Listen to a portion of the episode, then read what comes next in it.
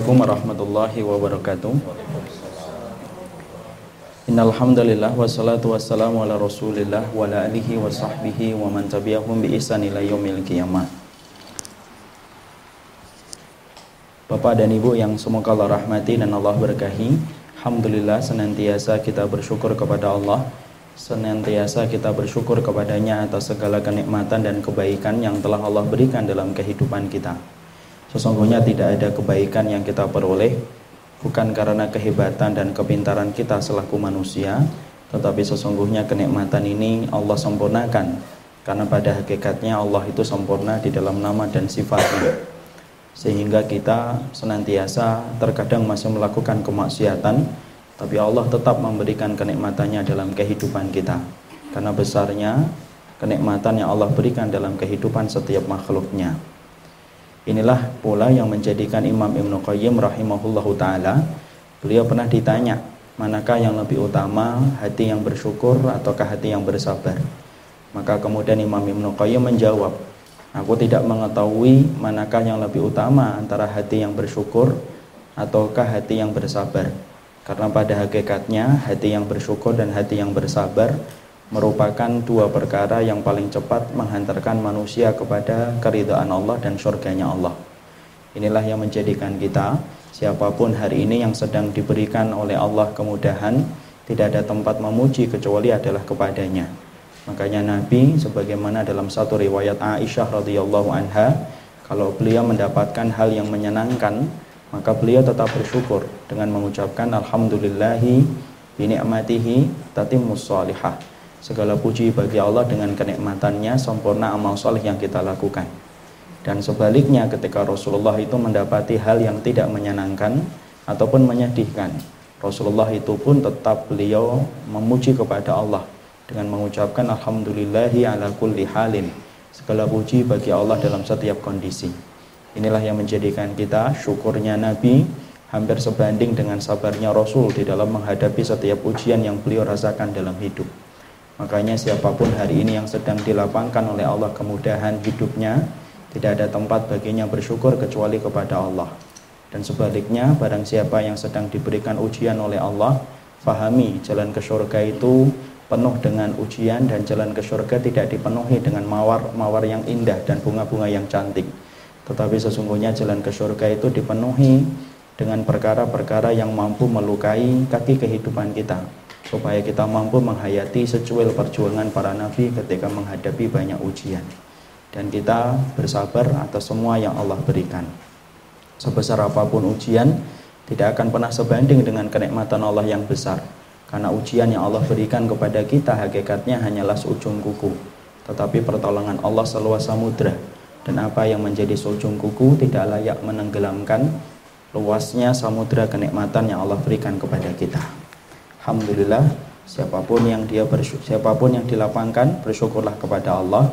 Dan siapa pun yang hari ini sedang diuji hatinya tercelup dalam kesedihan bersabarlah. Allah mencintaimu ketika kamu menjadi hamba yang bersyukur dan bersabar kepada Allah setiap waktunya sesuai dengan kondisi yang kita rasakan. Alhamdulillah ini merupakan pertemuan kembali yang terjalin setelah satu tahun kita tidak bertemu. Karena terakhir tahun 2016 sekarang 2017 kemarin saya ke sini ini ke sini lagi. Dua hari berturut-turut saking semangatnya saya kemarin tidak membaca Allah alam saya memang ditakdirkan banyak hal. Ya banyak sekali ujiannya. Ya dituduh katanya punya topeng dan punya belang. Tapi alhamdulillah saya tidak punya topeng dan saya tidak punya belang. Jadi alhamdulillah dalam perjalanan yang kemarin memang saya menyampaikan terlebih dahulu terima kasih yang tidak terhingga dari masyarakat masyarakat mukmin Suria yang ada di Turki dan yang ada di Syam sendiri. Mereka menyampaikan ribuan terima kasih penghargaan yang tidak terhingga atas setiap bantuan yang kita berikan kepada mereka. Walaupun sebenarnya bantuan yang kita berikan hanyalah secuil dari kenikmatan karena kita tidak pernah memberikan lebih dari 100 dolar bagi setiap keluarga yang mendapatkan ujian dan 100 dolar itu kalau kita berbicara tentang konteks masyarakat Suria maka itu tidak sampai dua pekan keadaan mereka sulit keadaan mereka berat dan sesungguhnya kata-kata saya tidak mampu mewakili betapa perihnya keadaan yang saya lihat dengan mata kepala saya sendiri. Jadi sepanjang mata kalau kita jalan di sana, kita akan menemukan kemah-kemah yang ada di pinggir-pinggir jalan, tenda-tenda di pinggir jalan dalam keadaan tipis banget. Kemudian sebagian sudah terkoyak yang dijahit dengan tangan mereka sendiri. Cuaca antara 0 sampai minus 2 saat itu. Dalam kondisi tenda kalau sudah bicara tenda kita harus paham beda dengan konteks kehidupan rumah yang permanen atau semi permanen. Mereka tidak punya MCK, tanahnya adalah tanahnya bumi atau tanah langsung, tidak ada kemudian lantai, kemudian tidak bisa menghidupkan tungku penghangat badan karena mereka ada di di dalam tenda-tenda itu. Dan yang jelas mereka tidak pernah ngerti kapan mereka bisa balik. Karena yang saya lihat sepanjang mata memandang itu adalah sebagian dari pengungsi-pengungsi Aleppo jadi kalau antum pengen bertanya gimana Ustadz hari ini kondisi Aleppo, Aleppo Innalillahi wa inna ilaihi rojiun Kota Halab yang menjadi kotanya para nabi hari ini tidak ada muslimin ahlu sunnah di sana. Sudah habis bis.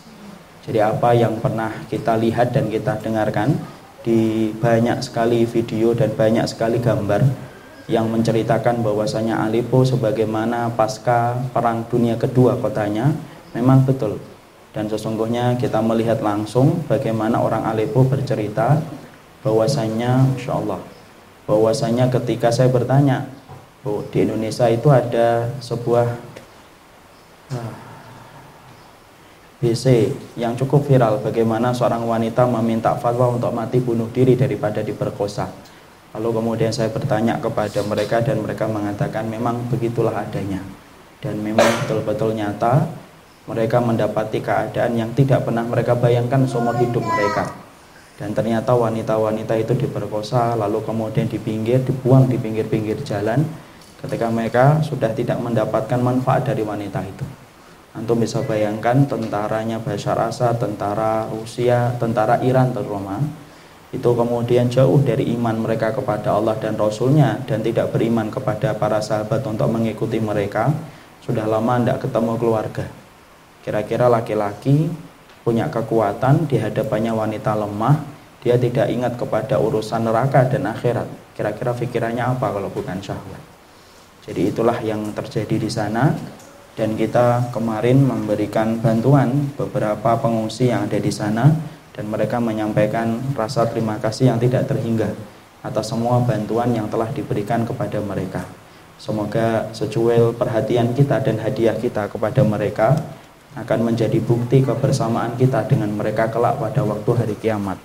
Karena sering sekali saya menyampaikan, jadi sering sekali saya menyampaikan bahwasanya masyarakat Syam itu mungkin lebih banyak sholatnya, sholatnya kita, lebih banyak mungkin sodakohnya kita, mungkin lebih banyak umrohnya kita daripada mereka.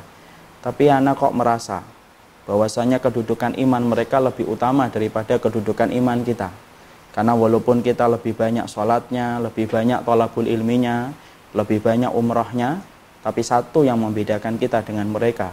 Mereka diuji terus sebagaimana ujian yang Allah bebankan kepada para nabi, tanpa mereka ngerti kapan ujian itu akan berakhir dan kapan fajar itu akan menyingsing, tapi mereka tetap ridho terhadap segala ujian yang Allah berikan kepada mereka.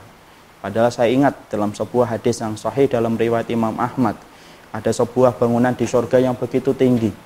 Bangunan itu tidak bisa diraih dengan sholat, tidak bisa diraih dengan sedekah, tidak bisa diraih dengan haji dan umrah. Rasulullah mengatakan bangunan tinggi itu hanya bisa diraih oleh orang yang ketika hidupnya dirundung dengan ujian dan dia bersabar dengan ujian yang Allah berikan, maka merekalah yang mendapatkan kedudukan tinggi di surga di mana para ahli sholat, para ahli sodakoh, itu tidak mampu memperoleh kedudukan yang setinggi itu. Inilah yang menjadikan kita akhirnya paham. Mungkin orang Syam sampai-sampai Rasulullah berkata, "Idza fasada ahlus syami fala khaira fikum." Sampai kemudian Rasulullah itu berkata, kalau sudah penduduk Syam itu rusak, tidak ada lagi kebaikan bagi negeri-negeri yang lain dalam iman. Tapi kalau kemudian di negeri Syam itu masih ada iman, masih tersisa iman di negara dan wilayah yang lainnya. Tapi kalau sudah wilayah Syam itu rusak imannya rusak iman di wilayah-wilayah yang lainnya dijadikan indikator iman oleh Nabi bagi penduduk Syam. Kenapa? Karena besarnya keberkahan yang meliputi penduduk Syam walaupun hari ini salatnya mereka, hajinya mereka lebih banyak kita. Tapi saya yakin mereka adalah orang yang lebih tinggi kedudukannya di sisi Allah Subhanahu wa taala. Makanya orang yang pernah kita lihat kayak Umron Dagnish, anak kecil yang terkena reruntuhan bangunan, kemudian didudukkan di kursi orange, kemudian kepalanya berdarah tetapi tidak sama sekali menangis dia diam, dia hanya mengusap kepalanya, dia duduk pasrah di atas kursi. Di mana kita semua pernah melihat videonya karena viral di seluruh dunia. Tapi itulah yang kita lihat, itu anak kecilnya. Orang-orang besarnya sama ridhonya mereka terhadap apa yang menimpa kepada mereka. Sampai-sampai saya tidak pernah mendapati, setidaknya saya, ini sangat subjektif, setidaknya saya belum pernah mendapati orang-orang Syam itu menggugat takdir ataupun mereka menyalahkan fulan dan menyalahkan fulan atas keadaan mereka. Selalu mereka kalau cerita tentang segala ujian yang bertubi-tubi datang kepada mereka, selalu kemudian mereka itu berkata, yaitu adalah dengan sebuah zikir Allahu Karim, Allahu Karim. Allah itu maha baik, Allah itu maha baik. Seakan-akan mereka ingin mengatakan kepada dirinya dan kepada jiwanya. Walaupun ujian kita bertubi-tubi, tetapi kebaikan Allah lebih banyak daripada ujian yang Allah berikan dan sama sekali mereka tidak pernah menyesali takdir yang Allah bebankan kepada mereka. Saya melihat beberapa pengungsi yaitu di kawasan Idlib dan di kawasan Turki, Masya Allah. Mereka tidak pernah ngerti kapan itu balik. Safarnya mereka itu safar tidak normal. Padahal safar kita yang normal saja itu bagian dari adab. Kalau kita safar ke Surabaya di hotel 20 hari misalnya, walaupun hotelnya itu nyaman, lama-lama kita akan letih karena safar itu bagian dari adab kata Nabi. Dan kita pasti membayangkan kapan ya pulang. Karena apa? Seenak-enaknya hotel lebih enak di dalam rumah kita sendiri istirahatnya lebih maksimal. Itu dalam safar yang normal. Sekarang kita bayangkan mereka safarnya tidak normal. Safarnya mereka dari tempat mereka itu dalam keadaan terusir. Tanpa mereka ngerti kapan mereka balik kapan mereka akan mendapatkan rumah mereka dan kapan mereka akan kembali kepada keluarga mereka maka itu satu pertanyaan yang tidak mampu dijawab oleh siapa pun yang ada di atas muka bumi ini. Tapi itulah mereka. Dan selalu mereka berkata, Allahu Karim, Allahu Karim, Allah itu lebih baik, Allah itu lebih baik daripada semua ujian yang telah diberikan oleh Allah. Makanya semoga kita mengambil spiritnya masyarakat Syam. Mereka adalah masyarakat yang senang diuji dan mereka tidak menghilangkan sifat syukurnya mereka Makanya saya teringat kepada sebuah hadis Rasulullah Sallallahu Alaihi Wasallam. Di dalam hadis yang sahih, di dalam kitab Sahih Jami' Shaghir disebutkan bahwasanya Rasulullah bersabda fa inna ahadakum la yafrahu bil bala'i kama yafrahu ahadukum birraha. Sesungguhnya ada loh di antara orang yang beriman saking kuatnya iman, dia itu senang ketika diuji sebagaimana orang yang lemah iman ketika senang mendapatkan harta. Kenapa mereka senang mendapatkan ujian? Karena mereka ngerti kedudukan mereka itu tinggi ketika mereka diuji bukan hanya karena ibadah tapi mereka tinggi kedudukannya ketika mereka diuji oleh Allah Subhanahu wa taala. Jadi Masya Allah di sana susah sulit pagi makannya zaitun, siang makannya zaitun, malamnya pun makannya zaitun. Zaitun yang dicampur dengan mentega, dicampur dengan margarin, dicampur dengan roti-roti yang tipis-tipis. Itu saja kalaupun ada sesuatu yang lebih biasanya ada terong kemudian ada kentang mereka goreng itu pun kalau ada. Tapi lebih sering zaitun. Zaitun di pagi hari zaitun di waktu siang hari malam pun zaitun. Ya kalau saya orang Indonesia pencinta gorengan ya agak susah untuk menerima zaitun. Tapi mereka ya sudah zaitun saja Masya Allah. Apakah mereka tidak suka dengan daging Ustaz? Siapa sih yang tidak suka dengan daging? Wong Nabi aja suka dengan daging kok tapi mereka bukannya tidak suka dengan daging, tapi mereka nggak ngerti bagaimana cara mendapatkan daging untuk mereka. Jadi masya Allah itulah keadaan mereka. Tapi wallahi mereka adalah orang-orang yang semoga diliputi dengan keberkahan dan semoga kita bersama dengan mereka setiap waktunya dan setiap saatnya. Ya, itulah di antara hikmah perjalanan kemarin sampai kemudian kita diberikan oleh Allah berbagai macam perkara tapi semuanya selesai insya Allah dengan izinnya dan semoga doa-doanya jamaah semuanya akan menjadi doa yang menjadi pemberat amal timbangan insya Allah. Jadi saya tidak pernah memakai topeng, jadi anak banyak sekali saya tuh heran sih jadi kemudian sekarang terbuka topengnya. Saya tidak pernah pakai topeng, ya.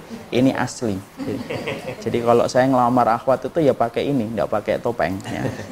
Kemudian eh, apalagi kemudian terbuka belangnya juga tidak pernah, ya. Saya tidak pernah punya belang, alhamdulillah. Mungkin panu iya, tapi belang tidak pernah. Wallah alam bisawab. Sekarang kita ngaji, ya. Kalau kemudian masalah safar kemarin, Alhamdulillah sudah banyak kita sampaikan di berbagai macam kesempatan. Mungkin silahkan dicek saja kalau misalkan ada yang berkeinginan untuk mendengarkan lebih detail dari apa yang kita sampaikan hari ini. Kita sekarang kajian tafsir. Mari kita buka bagi yang membawa bukunya. Kita kemarin mengetahui bahwasanya salah satu tanda benarnya kita dalam kehidupan bermanhaj ketika mengikuti Rasulullah Sallallahu Alaihi Wasallam yaitu adalah ketika kita memiliki sehatul manhaj. Sehatul manhaj itu pemahaman kita adalah pemahaman yang sehat. Dan indikator pemahaman yang sehat itu adalah ketika pemahaman kita terhadap Al-Quran dan pemahaman kita terhadap Al-Hadis yang pernah disampaikan oleh Nabi. Betul-betul pemahaman itu lahir dari pemahaman yang disampaikan oleh para sahabat Ridwanullah alaihim. Banyaknya penyimpangan hari ini pada zaman fitnah itu bukan karena orang-orang yang menyimpang dan kelompok yang menyimpang bukan karena mereka tidak memiliki dalil.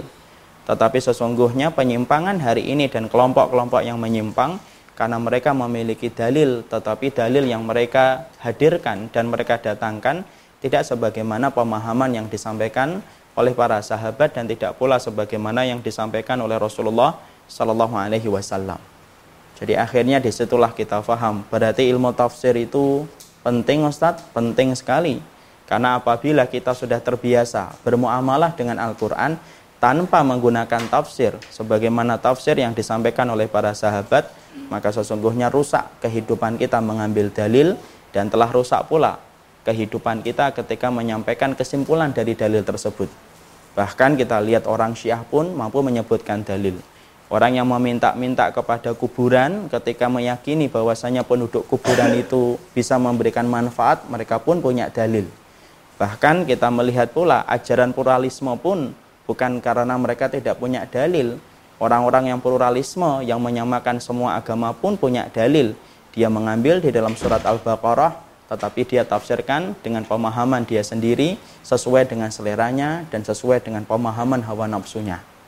Nah, inilah yang menjadikan kita ketika kita ingin meretas jalan sebagaimana yang disampaikan oleh Nabi, wajib orang yang mereka ingin bergabung dan ingin mesra dengan manhajnya Rasulullah Shallallahu Alaihi Wasallam maka tidak ada ikhtiar kepadanya kecuali haruslah dia itu bermuamalah dengan penafsiran Al-Quran sebagaimana tafsirnya para sahabat Ridwanullah alaihim. Mungkin kita ada yang bertanya, kenapa harus dengan tafsirnya para sahabat? Saya pernah debat dengan salah satu mahasiswa UIN ya, yang mana beliau menyampaikan keberatan bahwasanya penafsiran Al-Qur'an itu tidak harus dari para sahabat. Setiap orang mampu memberikan tafsirnya. Bahkan beliau menepuk dadanya dan berkata, "Saya pun bisa menafsirkan Al-Qur'an." Maka kemudian saya sampaikan kalau setiap orang mampu menafsirkan Al-Qur'an, satu, pemahaman anak dan pemahaman antum bisa berbeda. Karena apa? Karena sesungguhnya Al-Quran ayatnya itu bisa dibawa ke mana-mana sesuai dengan keinginan orang yang menyampaikan. Orang-orang yang hari ini jadi dukun pun mereka punya dalil, semuanya punya dalil. Tapi ternyata pemahamannya tidak sesuai dengan apa yang disampaikan oleh Nabi dan disampaikan pula oleh para sahabat Ridwanullah alaihim. Lalu saya berikan analogi sederhana. Antum tahu nggak?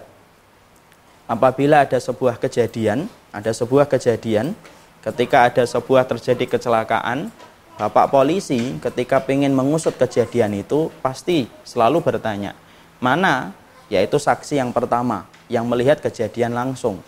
Kenapa Bapak polisi yang dia cari adalah saksi lapangan dan saksi mata? Karena dialah yang melihat kejadian itu terjadi.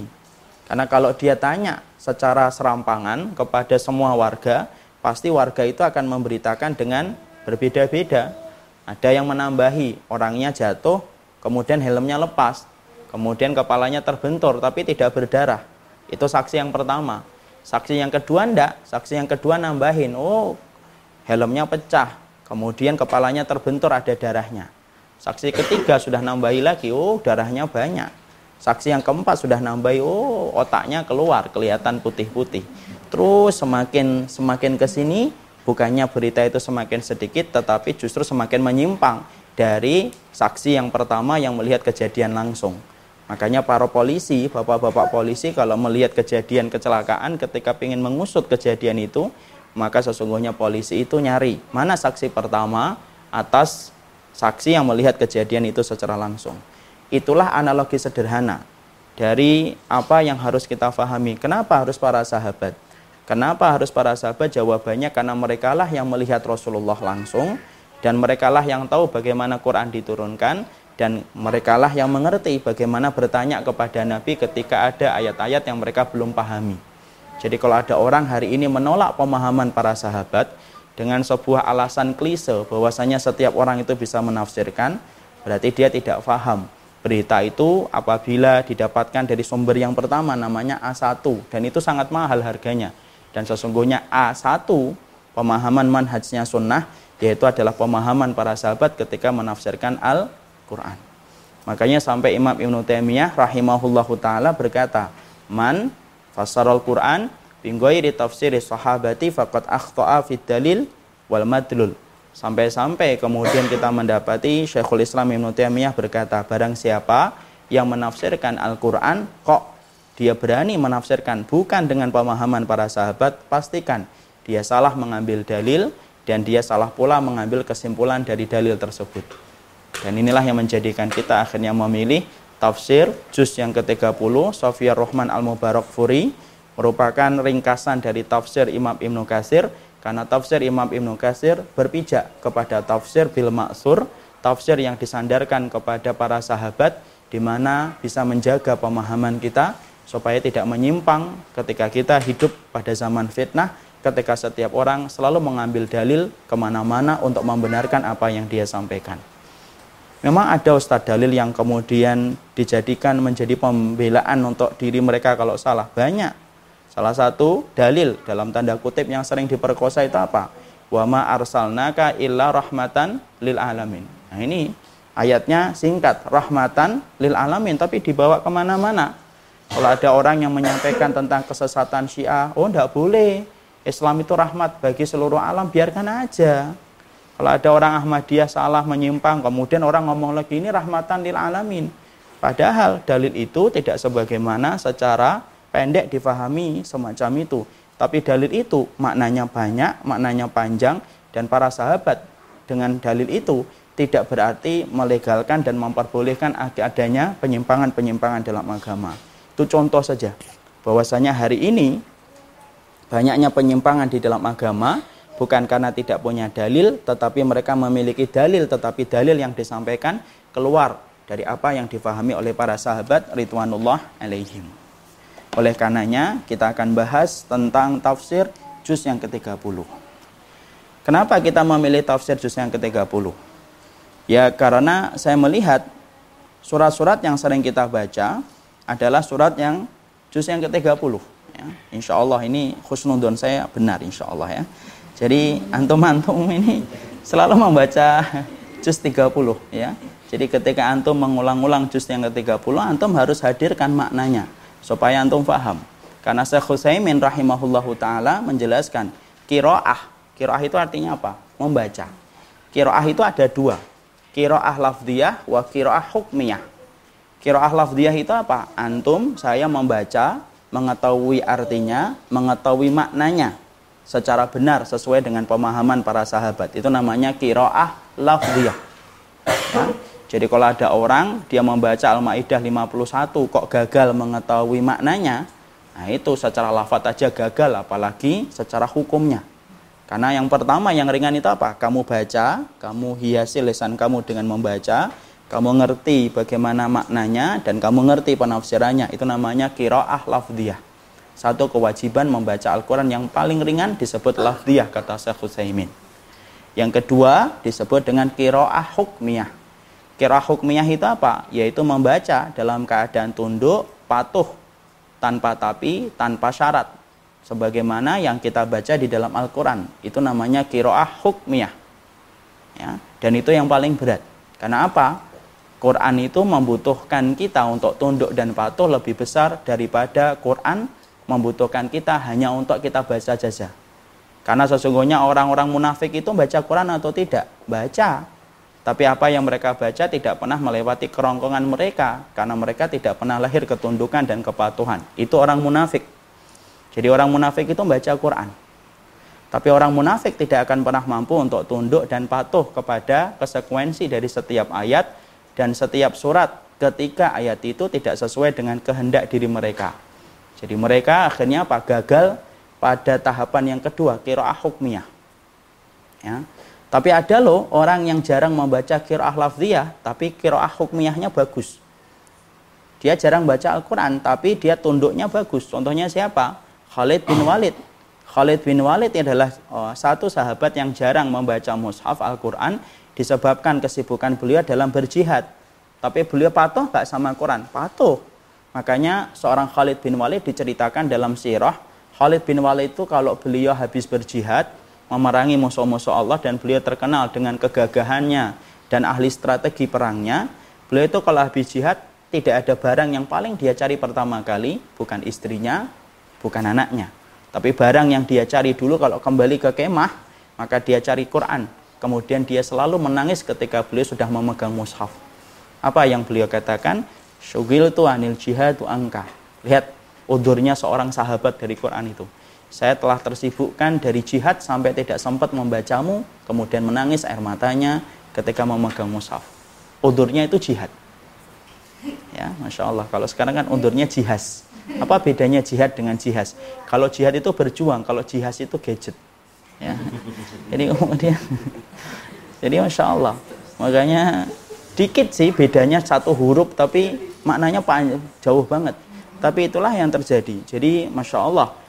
Jadi di situ kita mendapati Khalid bin Walid mungkin jarang membaca, tapi kemudian beliau orang yang patuh dan tunduk. Siapa sih sahabat yang terkenal dengan bermuamalah terus dengan Al-Quran Ustaz? Sahabat yang terkenal terus bermuamalah dengan Quran itu adalah salah satunya Utsman bin Affan radhiyallahu anhu. Kecintaan beliau kepada Quran jangan ditanya.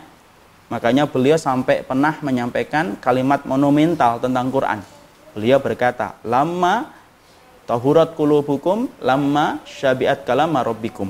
Sampai-sampai Utsman bin Affan pernah mengatakan sebuah kalimat monumental yang dicatat dalam sejarah tentang Quran. Beliau berkata, kalau hatimu bersih, maka indikator hati yang bersih adalah hati yang tidak pernah kenyang membaca Al-Quran. Saking cintanya beliau kepada Al-Quran, sampai-sampai Allah mewafatkan atas apa yang beliau cintai. Beliau meninggal ketika ada pemberontakan yang masuk ke Madinah, masuk ke belakang, dan beliau menyibukkan dirinya dengan membaca Al-Quran sampai beliau ditusuk ketika beliau sedang membaca Al-Quran sampai darahnya membasahi mushaf yang sedang beliau baca. Di situlah kita paham, Masya Allah kita akan diwafatkan berdasarkan ibadah yang kita cintai. Dan salah satunya adalah Utsman bin Affan diwafatkan oleh Allah dalam keadaan membaca Al-Quran karena itulah ibadah yang paling beliau cintai. Di situlah kita mengetahui ada dua, ada kirah lafdiyah, ada kirah hukmiyah. Jadi kalau orang kemudian hari ini kok hanya menafsirkan surat Al-Ma'idah 51 dalam kehidupan kok susah, maka Masya Allah hukumannya begitu berat. Karena apa? Tidak ada derajat yang paling dahsyat di neraka kecuali adalah orang munafik. Ini orang munafik itu lebih kejam adabnya Allah bagi mereka daripada orang kafir dan orang musyrik. Nanti deh insya Allah kita akan bahas kalau kita menginjak surat Al-Munafikun. Ya tiga tahun lagi insya Allah. jadi, jadi insya Allah luar biasa. Padahal kita tahu ya siapa pun yang bersama dengan Al-Quran dia mulia. Bulan yang diturunkan Al-Quran menjadi bulan yang mulia. Bulan apa? Ramadan. Malam diturunkannya Al-Quran itu menjadi malam yang paling mulia. Malam apa? Lailatul Qadar. Nabi yang diturunkan diturunkan kepadanya Quran pun menjadi nabi yang paling mulia. Siapa? Nabi Muhammad. Makanya kalau kita hari ini memilih pemimpin kok tidak bersama dengan Al-Quran, kita pasti hina. Karena siapa pun yang bersama dengan pilihan Al-Quran dia akan mulia dan siapa pun yang meninggalkan pilihan Al-Quran maka pasti hina. Kalaupun dia tidak hina di dunia, hati-hati itu istidraj. Yang kita khawatirkan, kenapa Allah berikan istidraj? Karena Allah ingin mengadabnya dua kali lipat daripada di dunia, maka Allah berikan. Tampaknya mereka baik, tapi mereka tidak akan baik pada kehidupan di akhiratnya. Jadi inilah yang menjadikan kita harus paham kiroah itu ada dua, kiroah lafdiyah dan kiroah hukmiyah. Dan kita hari ini mempelajari kiroah apa Ustadz? Kita mempelajari kiroah lafdiyah. Jadi kita ingin mempelajari maknanya supaya kita faham, supaya kita mengerti, supaya kita mampu mengamalkan sesuai dengan konsekuensi yang ada di dalam ayat-ayat tersebut. Ya. Sekarang mari kita buka di dalam surat An-Nas. Bagi yang membawa bukunya silahkan dibuka. Pada halaman berapa? Coba. Saya pakai kitab Arab. Kita mulai dari surat yang paling belakang. Ya, karena apa? Karena inilah surat yang pasti dihafalkan oleh jamaah. Jadi kalau saya mulai dari An-Naba nanti tidak apal-apal juga. Kadang-kadang kita sering protes sama anak kita. Nak, nak kamu An-Naba itu dua bulan tidak apal-apal gitu. Anaknya pintar jawabnya. Masih mending bi dua bulan. Abi seumur hidup tidak apal-apal. Sekarang kita buka pada halaman yang ke Ntar kita buka dulu 330.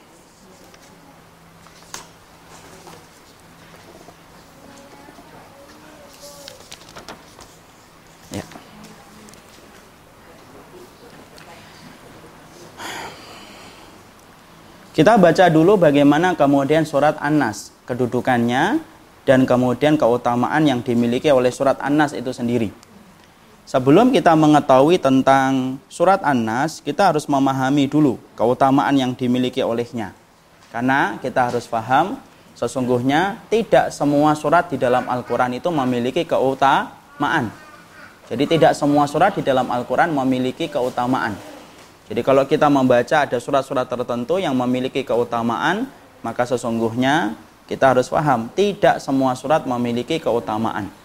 Ya. Kita harus memahami dulu mana dalilnya bahwasanya boleh bagi kita untuk mengutamakan surat-surat tertentu di atas surat-surat yang lainnya. Nah, kita buka dulu dalam surat Al-Baqarah. Allah kemudian berfirman, "Manan sahmin ayatin au nungsiha na'ti bi khairim minha." Kita buka dalam surat Al-Baqarah.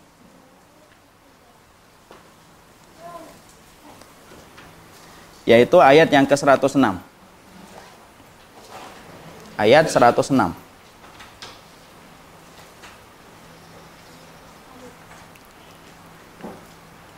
Kaidah yang pertama yang kita kemudian catat, tidak semua surat itu memiliki keutamaan. Jadi tidak semua surat itu memiliki keutamaan. Jadi jangan sampai kemudian kita punya pikiran setiap surat yang ada di dalam Al-Quran yang berjumlah 114 itu memiliki keutamaan. Ini merupakan kesimpulan yang salah. Keluar dari pemahaman yang disampaikan oleh para salafus solih.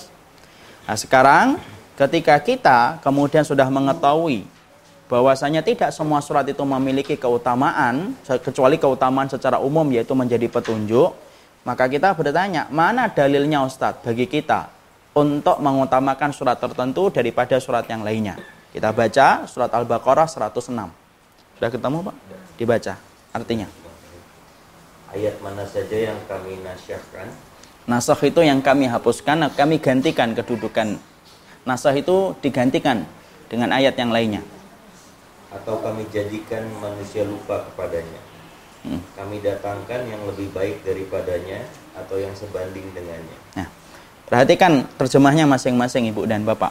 Allah berfirman, "Manan min ayatin au nungsiha na'ti bi khairin minha au misliha."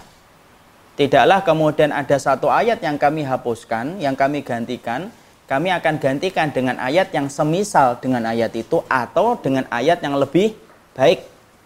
Allah mengatakan apa? Bi khairim minha dengan ayat yang lebih baik. Berarti di situ kata para ulama, berarti di dalam Al-Qur'an ada ayat-ayat yang lebih baik daripada ayat-ayat yang lainnya ada surat-surat yang lebih baik daripada surat-surat yang lain lainnya.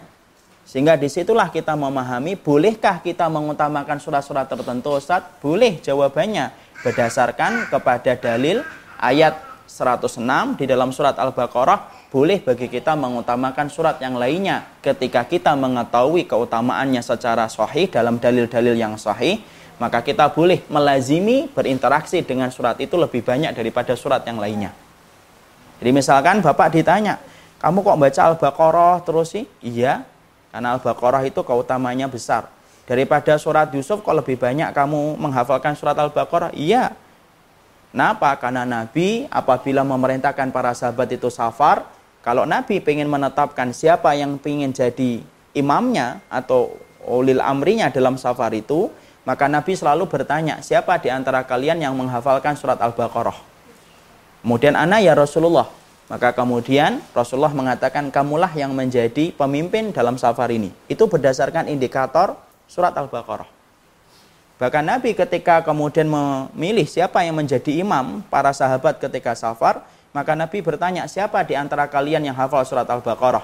Kalau ada yang menjawab anak ya Rasulullah, maka kemudian ditunjuk oleh Nabi, kamulah yang menjadi imam di dalam sholat. Dari surat Al-Baqarah. Bahkan Nabi ketika akan memakamkan kita, memakamkan para sahabat, maaf. Kalau Nabi memakamkan para sahabat ketika mereka wafatnya bersama-sama dan ternyata lubangnya tidak sesuai dengan jumlah yang meninggal karena dalam kondisi perang itu biasanya satu lubang tiga dan empat para sahabat sekaligus. Maka Nabi selalu bertanya, mana ini yang hafal surat Al-Baqarah? Fulan ya Rasulullah yang hafal surat Al-Baqarah. Maka fulan itu yang kemudian diletakkan oleh Nabi lebih dulu dan paling menghadap ke kiblat daripada sahabat-sahabat yang tidak hafal surat Al-Baqarah. Kenapa? Karena Nabi memuliakan orang yang di dalam otaknya di situ ada surat Al-Baqarah. Nah, Masya Allah kalau misalkan ikhwan hari ini ditanya ini matinya siapa yang hafal surat Al-Baqarah? Ini tidak ada ya Rasulullah. Jadi karena kemudian keutamanya sangat besar. Makanya saya wanti-wanti betul. Makanya kalau bapak dan ibu ini adalah keluarga saya sendiri, anak saya, pasti saya wajibkan untuk menghafalkan surat Al-Baqarah. Kenapa? Keutamanya besar sekali. Bahkan sampai-sampai Nabi, beliau sampai beliau bersabda, "Faman akhadaha barokah, faman tarokaha hasroh." Siapa pun yang mengambil surat Al-Baqarah, dia barokah hidupnya, dan siapa pun yang berani dia meninggalkan surat Al-Baqarah, tidak memperhatikan, tidak pernah membaca, tidak pernah berusaha untuk menghafalkannya, hasrah, dia rugi dunia dan di akhirat. Dan surat ini adalah surat yang secara khusus disebutkan oleh Nabi bersama dengan surat Ali Imran, ka'annaha ghamamatan. Nanti kelak pada waktu hari kiamat dia akan menjadi awan yang melindungi orang yang sering menghafalkan surat Al-Baqarah. Makanya kalau mampu sekali-kali ikut daurah deh. Kan ada daurah menghafalkan surat Al-Baqarah itu. Seminggu aja suaminya cuti, istrinya cuti, hafalkan surat Al-Baqarah insya Allah. Dan itu keutamanya besar. Insya Allah mudah kok. Kalau kita jujur, ingin menghafalkan karena Allah, pasti Allah akan mewujudkan apa yang tulus dari niat hati kita. Ya, kayak saya punya murid dulu di Bontang, umurnya 67 tahun, ibu-ibu. Dia ingin untuk menghafalkan Al-Quran, Masya Allah. Banyak orang yang meremehkan cita-cita beliau. Tapi ternyata tidak sampai 2 tahun, beliau sampai menghafalkan 10 juz sampai 15 juz. Ampuh. Tidak ada faktor tua di dalam hasanah sunnah ketika mempelajari Al-Quran dan As-Sunnah.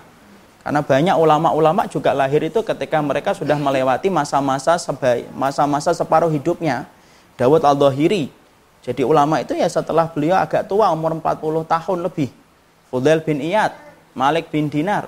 Itu ulama-ulama yang lahir ketika umur mereka sudah cukup umur, baru mereka belajar. Tapi insya Allah, kalau bapak-bapak dan ibu saya lihat insya Allah lebih mudah daripada mereka. Sebenarnya masih mampu untuk menghafalkan dan masih mampu untuk memaksakan diri dalam perkara kebaikan.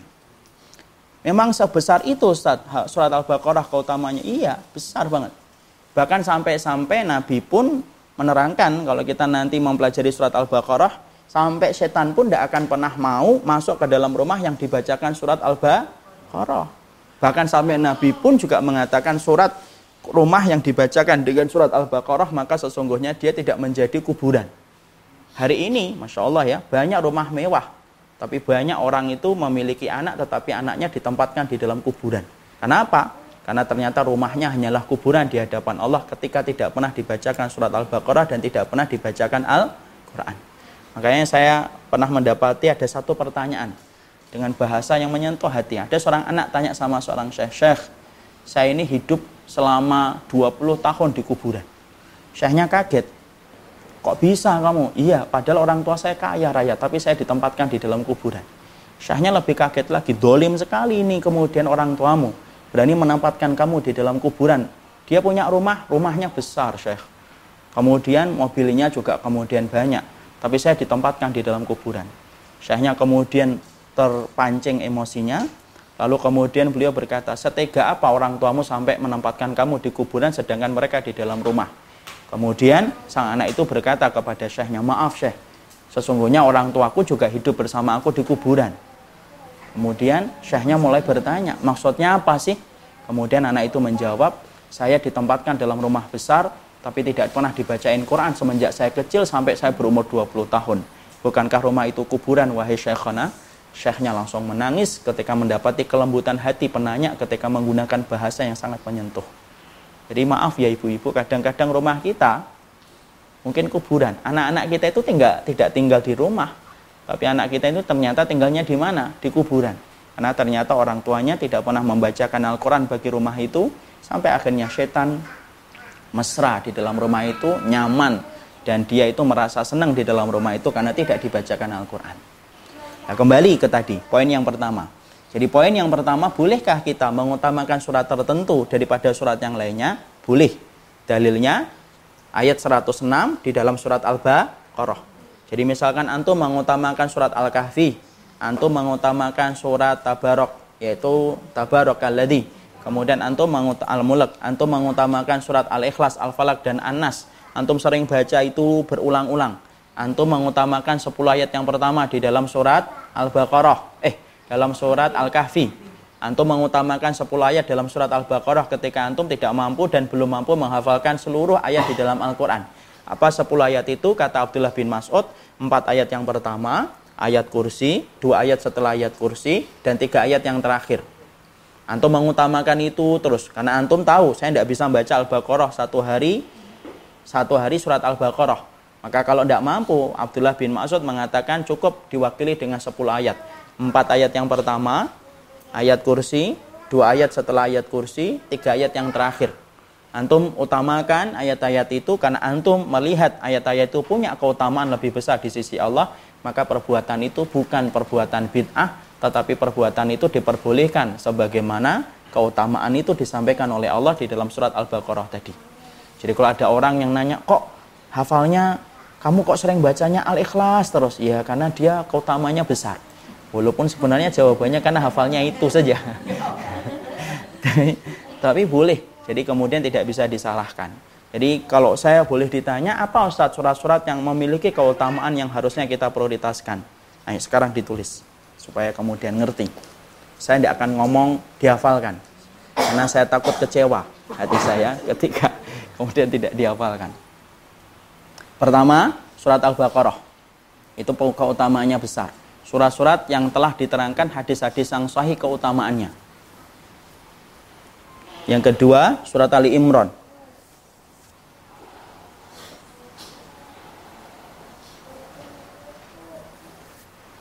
Yang ketiga, 10 ayat terakhir dalam surat Ali Imran.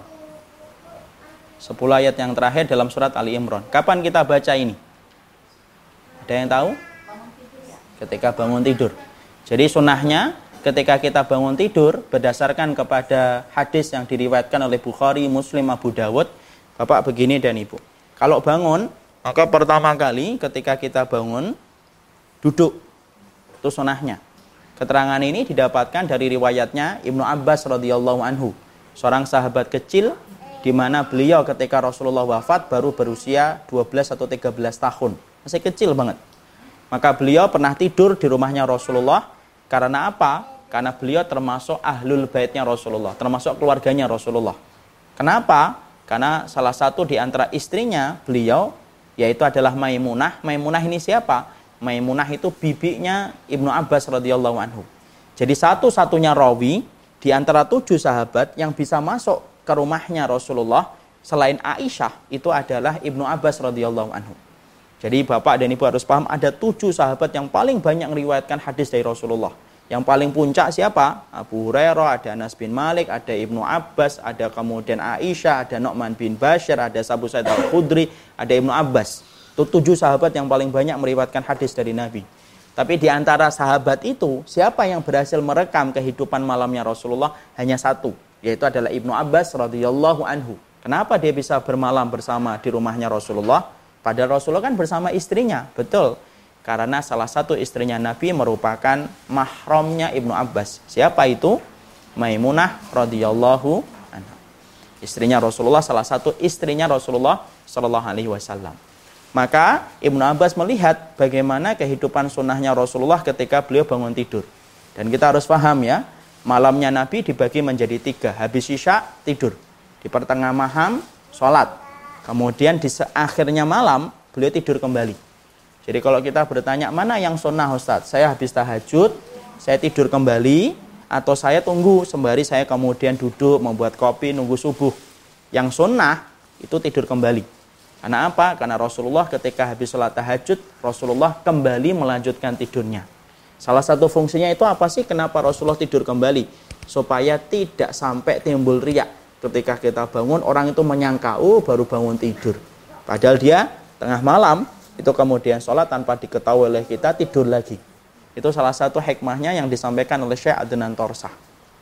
Jadi kalau kita e, melaksanakan sholat malam, ya yang paling sulit apa? Jaga niat. Tidak usah kita menyampaikan apa yang kita lakukan. Ya, ayo bangun gitu. Kemudian tidak usah. Walaupun kita tidak bisa melarang karena itu merupakan perkara yang tidak boleh dilarang. Dan tidak usah kita memfonis saudara kita yang kemudian dia pasang misalkan dia bangunkan kita jam 3 gitu. Jangan kemudian kita katakan teriak banget sini. Ya, teriak-teriak di grup jam 3 gitu.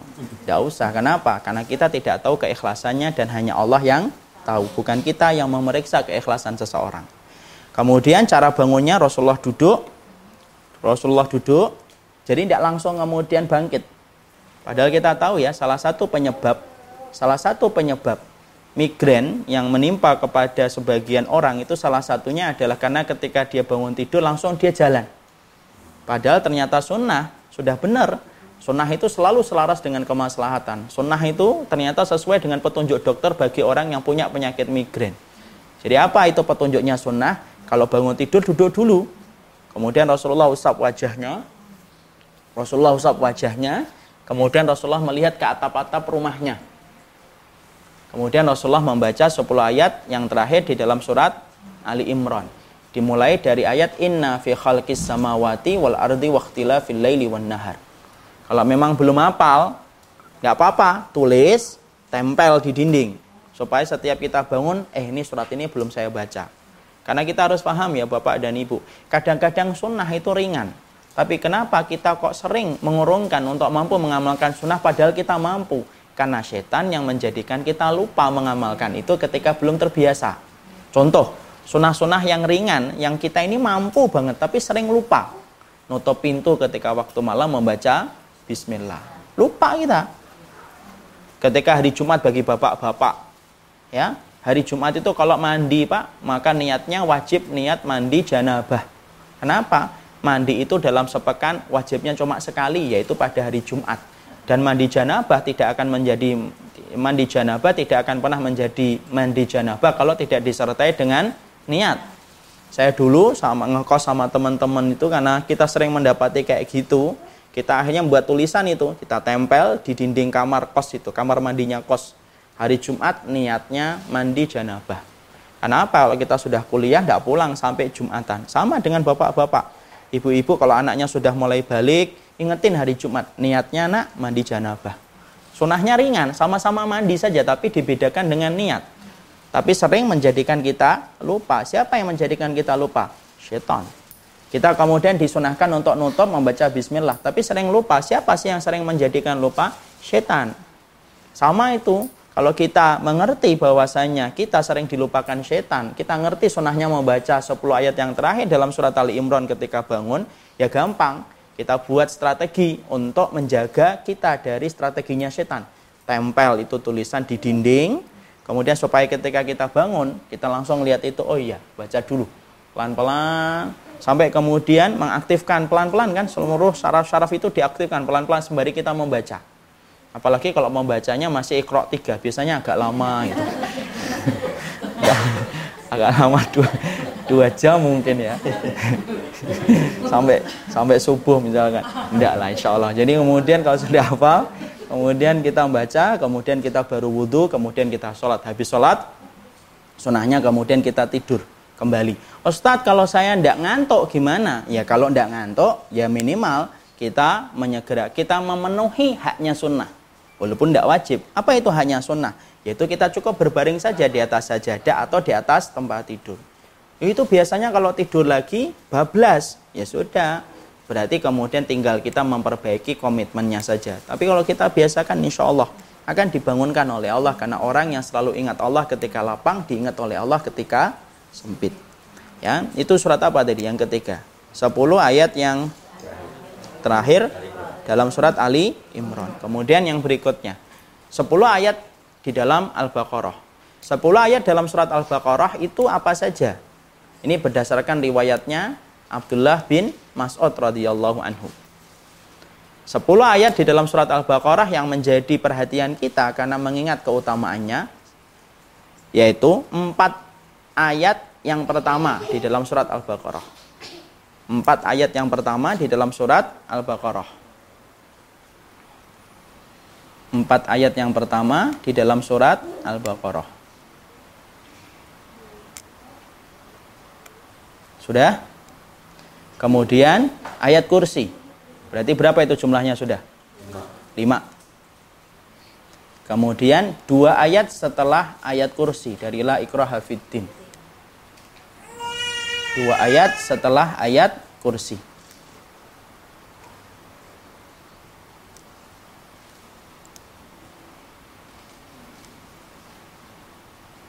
Kemudian tiga ayat yang terakhir. La. Tiga ayat yang terakhir dari surat Al-Baqarah. Kalau mampu dihafalkan, dihafalkan Ibu. Kalau memang surat Al-Baqarah susah, ya kemudian minimal 10 ayat ini saja. Jadi minimal setiap harinya itu mampu mengusir setan dari rumah kita apabila kita membacakan 10 surat ini. Karena Abdullah bin Mas'ud mengatakan kalau mampu, kalau kamu tidak mampu membaca surat Al-Baqarah untuk rumahmu dalam satu hari, setidaknya itu diwakili dengan 10 ayat supaya rumah kita tidak menjadi rumah yang nyaman bagi setan. Jangan sampai ya rumah kita penuh dengan interior-interior indah, tapi ternyata rumah kita menjadi tempat yang nyaman bagi setan. Akhirnya apa? Ya akhirnya terjadinya banyak hal-hal yang tidak terduga. Bapak dan Ibu pernah nggak ngerasain gini? Kenapa ya saya itu kalau bertamu ke tempat orang lain bangun sebelum subuh gampang ya? Tapi kalau di rumah kok susah ya? Itu mungkin salah satu indikatornya banyaknya setan itu di dalam rumah kita. Kenapa ya kalau saya ada di tempat lain di rumahnya fulan kok gampang ya saya melakukan kebaikan? Kenapa kalau di rumah itu males saja? Nah itu Jangan-jangan kita telah menyimpan setan di dalam rumah kita tanpa kita sadari. Makanya kalau kita kapan-kapan kita bahas itu, tulisannya dari Syekh Abu Khudaifah, rumah-rumah yang dimasuki oleh iblis dan dia nyaman di dalam rumah itu. Nanti aja setelah pembahasan tafsir ini selesai insya Allah. Sabar, ustadznya aja sabar. Saya ini dua hari ini ke sini dua berturut-turut. Kemudian tadi masalah apa sih kok ke situ? Oh iya Al-Baqarah ya. Kemudian surat yang kemudian memiliki keutamaan di dalam Al-Qur'an di dalam syariat yaitu adalah surat Al-Kahfi terutama pada 10 ayat surat Al-Kahfi dan 10 ayat yang pertama di dalam surat Al-Kahfi. Supaya apa? Menjaga kita 10 ayat yang pertama pada surat Al-Kahfi untuk menjaga kita dari fitnahnya Dajjal. Jangan remehkan Dajjal. Dan salah satu untuk membantu kita selamat dari fitnahnya Dajjal ketika kita menghafalkan 10 ayat yang pertama di dalam surat Al-Kahfi. Ya. Ini banyak dong Ustaz PR-nya, banyak. Ya, cuma biasanya kan habis dari sini kemudian bukunya diletakkan di atas rak, lupa. Baru sebulan lagi. Moga-moga enggak lah. Kita akan cari ilmu adalah barokahnya yang bisa merubah kita. Kemudian Surat lagi adalah surat Al-Mulk. Itu juga merupakan salah satu surat yang memiliki keutamaan. Nanti kita akan bahas ya satu persatu. Kemudian yang terakhir yaitu tiga surat yang terakhir. Adalah surat Al-Ikhlas, Al-Falak, dan An-Nas. Surat Al-Ikhlas, Al-Falak, dan An-Nas.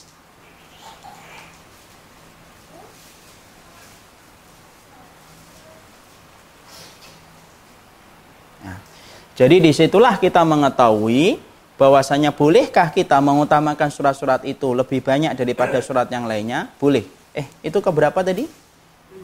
Ketujuh. Kemudian ke delapan ayat kursi, maaf lupa. Ayat kursi. Ya. Di sepuluh ya, tapi ayat kursi boleh dibaca secara khusus tanpa disertakan dengan ayat-ayat yang lainnya. Kapan ayat kursi kita bacakan? Ya, ketika kita mendapati hal-hal contohnya ketika mengusir atau memberikan rukyah untuk diri kita. Maka kemudian kita membaca ayat kursi. Rukyah itu mana yang lebih utama Ustaz? Dirukyah orang lain tapi dia solih banget atau dirukyah oleh diri kita sendiri tapi solihnya setengah. Ya. Nah, itu nanti kita jawab.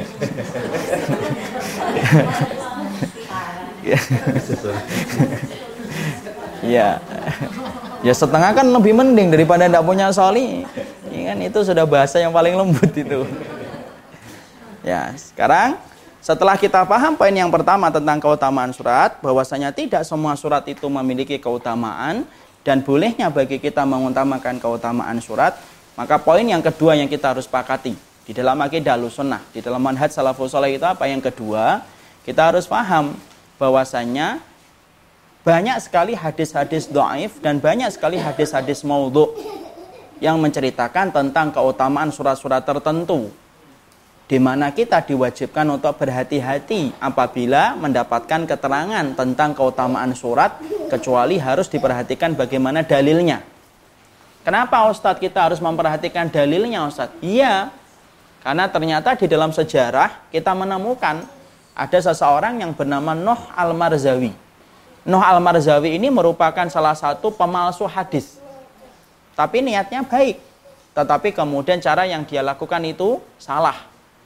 Nuh Al-Marzawi adalah orang yang ketahuan dia memalsukan hadis sampai kemudian setiap surat di dalam Al-Quran dia datangkan keutamaan-keutamaannya. Sampai ketika dia tertangkap memalsukan hadis karena pada zaman khilafah itu fungsinya khalifah itu apa? fungsinya khalifah mencegah segala penyimpangan di dalam agama. Makanya yang menangkap pemalsu hadis itu adalah para khalifah dulu. Jadi para khalifah itu memperhatikan agama lebih besar daripada memperhatikan urusan dunia. Ya, bukan hanya pemalsu uang yang kemudian karena dulu itu tidak ada pemalsu uang. Kenapa dulu tidak ada pemalsu uang? Karena semua uang pada zaman khalifah itu mempergunakan di dinar emas susah untuk dipalsukan. Beda kan dengan hari ini kita memakai kertas ya. Lepas dari pro dan kontra tentang masalah kertas saya tidak ngerti karena saya bukan orang yang diberikan kemampuan memahami secara mendalam tentang fikih muamalah. Tapi yang jelas para khalifah pada zaman terdahulu itu memperhatikan penyimpangan agama itu jauh lebih mereka perhatikan daripada hal-hal yang salah dalam urusan duniawi. Makanya para khalifah menangkap salah satu pemalsu hadis itu namanya siapa? Nuh al-Marzawi. Ketika dia tertangkap memalsukan hadis ditanya, di dalam mahkamah, di dalam di dalam pengadilan. Lima tal ahadis. Kenapa sih kamu palsukan hadis-hadis itu? Ternyata Nuh al-Marzawi itu bukan zindik yang berniat untuk menghancurkan Islam. Bukan. Tapi sesungguhnya Nuh al-Marzawi itu orangnya baik, cuma salah jalannya. Dia lalu berkata, Kuntu wada'tul ahadisa fi fadailil Qur'an liyarghabu fiha li'anna ar'ana ra'aitun nas yashtagiluna bil fikhi wasirati. Alasannya bagus. Nah Al-Mazawi berkata, aku sengaja memalsukan hadis tentang keutamaan surat ini, surat ini, surat ini, surat ini. Aku yang palsukan. Tapi aku melakukan itu supaya dengan niatan mulia, supaya setiap orang kembali membaca Al-Quran. Karena hari ini aku melihat banyak orang sudah sibuk membaca sirah, sudah sibuk membaca fikih, dan mereka jarang membaca Al-Quran. Niatnya baik, tapi caranya Salah. Makanya kita ingatkan perkataan dari Abdullah bin Mas'ud, kam min muridil khair la yusibu. Berapa banyak sih orang yang ingin melakukan kebaikan tapi kebaikan itu tidak mendapatkan pahala. Ya contohnya kayak gitu. Makanya berpijak dari sebuah kisah nyata itu akhirnya apa? Kita mendapati bahwasanya keutamaan surat-surat itu ternyata tidak semuanya sahih. Tidak semuanya sahih. Salah satu surat yang kemudian banyak sekali kemudian mendapatkan hadis-hadis palsu itu salah satunya surat apa? Surat Al-Ikhlas. Itu banyak sekali hadis-hadis palsunya. Sampai kemudian kita mendapati barang siapa yang membaca surat Al-Ikhlas sekali maka akan dinaikkan derajatnya di surga, dilapangkan nanti di kuburannya, dibebaskan dari adab kubur. Kalau kita ingin mengenali hadis palsu atau hadis doif itu biasanya gimana sih Ustadz? Biasanya nggak masuk akal. Ya, biasanya nggak masuk akal. Contohnya diperintahkan untuk membaca 6000 kali, itu nggak masuk akal. Ya terus kita ngapan sholatnya? Kapan kemudian kita ngobrol dengan istri? Kapan kita ngobrol dengan anak? Kalau kemudian membaca sampai 6000 kali. Itu ciri khasnya hadis palsu itu kadang-kadang susah untuk diamalkan. Saya pernah di dalam kota saya sendiri, di kampung saya sendiri, ada sebuah ritual, ibu-ibu itu membaca surat Al-Ikhlas itu seribu kali. Jadi mereka dari habis duhur membaca terus itu surat Al-Ikhlas. Pertama-tama masih bisa kedengaran suaranya kul huwallahu ahad. Lama-lama tinggal kul doang, ya. Hilang. Kenapa? Ngejar dia, ngejar yaitu kuantitasnya. Kalau itu hadisnya sahih, khair, tidak apa-apa. Kita pasti akan berusaha untuk mengamalkan. Kalau itu memang datang dari Rasul dan para sahabat. Tapi apalah daya, ketika kita membuka di dalam Quran, kita mendapati ternyata itu hadisnya maudhu. Hadis maudhu itu lebih parah daripada hadis dhaif. Hadis dhaif itu lemah. Tapi kalau hadis maudhu itu palsu. Yang lebih parah kalau hadis itu la aslalahu, tidak ada asalnya. Itu lebih parah lagi. Kenapa? Di kitab aja tidak ada. Kalau di hadis maudhu itu masih bisa dicari. Salah satu kitab untuk membuka hadis maudhu itu mana Ustadz? Salah satunya kitabnya Imam Zawzi, yaitu adalah Al-Maudhu'at. Itu hadis-hadis palsu yang dikumpulkan oleh beliau. Contohnya apa sih? Kisah-kisah terkenal ternyata itu kemudian maudhu. Cerita Al-Qamah. Cerita Al-Qamah ngerti?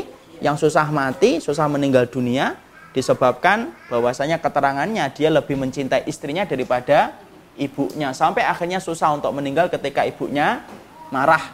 Ternyata itu mau untuk hadisnya. Walaupun kalau dalam konteks masyarakat kita, kisah itu cukup terkenal. Jadi kalau mau untuk itu mending. Artinya kita buka di dalam kitab itu ada. Oh ini palsu, ini palsu. Tapi kalau ada hadis la'as lalahu, itu tidak ada asalnya. Contoh, naumusoim ibadah. Tidurnya orang yang beribadah, tidurnya orang yang berpuasa itu ibadah itu tidak ada asalnya. Jadi kalau kita cari di kitab hadis pun kita nggak ketemu. Seperti kemudian orang yang tidak saling meminta maaf ketika menjelang bulan Ramadan, maka nanti rusak. Itu juga tidak ada asalnya. Mau kita ubek-ubek dalam hadisnya pun tidak akan kita ketemu. Kenapa? Kalau sebuah hadis tidak ada asalnya, sampai di kitab para ulama aja tidak ada. Berpuasalah kamu akan sehat itu juga tidak ada itu. Itu perkataan dokter itu. Tapi kemudian tidak tahu kok sampai akhirnya menjadi seakan-akan menjadi ha, hadis. Jadi ternyata hadis pun harus hati-hati. Kenapa? Karena sesungguhnya kehati-hatian merupakan bagian dari manhaj sunnah supaya kita tidak gampang mengambil satu ri, riwayat. Ya, jadi di situlah kita memahami bahwasanya masya Allah, memahami bahwasanya tidak semua surat itu memiliki keutamaan dan hati-hati memiliki keutamaan surat tertentu harus didukung dengan hadis-hadis yang sahih. Ini kisah nyata ini. Saya pernah mendapati ada salah satu dai nasional yang ada di televisi dan semoga Allah memberikan berkah kepada beliau, ilmu kepada beliau dan hidayah kepada kita. Beliau pernah kepleset kalau menurut anak. Jadi menyampaikan di sebuah televisi yaitu kemudian sebuah acara lah. Di situ ada ibu-ibu, kemudian dia ditanya, "Ustadz, kalau kita kemudian ada orang yang hutang sama kita, kemudian hutangnya nggak dibayar-bayar, doanya apa? Sang Ustadz dengan gaya kocaknya sebagaimana penampilan beliau sehari-hari, kemudian beliau mengatakan, ya sudah, bacain surat Al-Lahab. Usap itu kusan pintunya, usap itu jendelanya. Saya tuh kaget luar biasa. Acara itu disiarkan langsung di televisi nasional, kemudian pada acara pagi, tentunya minimal 1 juta, 2 juta orang itu ngelihat. Saya tidak langsung kemudian menyalahkan kan, kenapa? Karena kita ngerti, kita nggak boleh gampang menyalahkan terlebih dahulu. Saya saat itu makan lontong sayur yang di situ ada televisi, karena di masjid komplek rumah saya itu sampingnya ada tempat makan, di situ ada televisinya. Pulang, saya seharian coba ngecek, saya tidak mendapati itu di dalam surat Al-Lahab itu yang menceritakan tentang masalah hutang.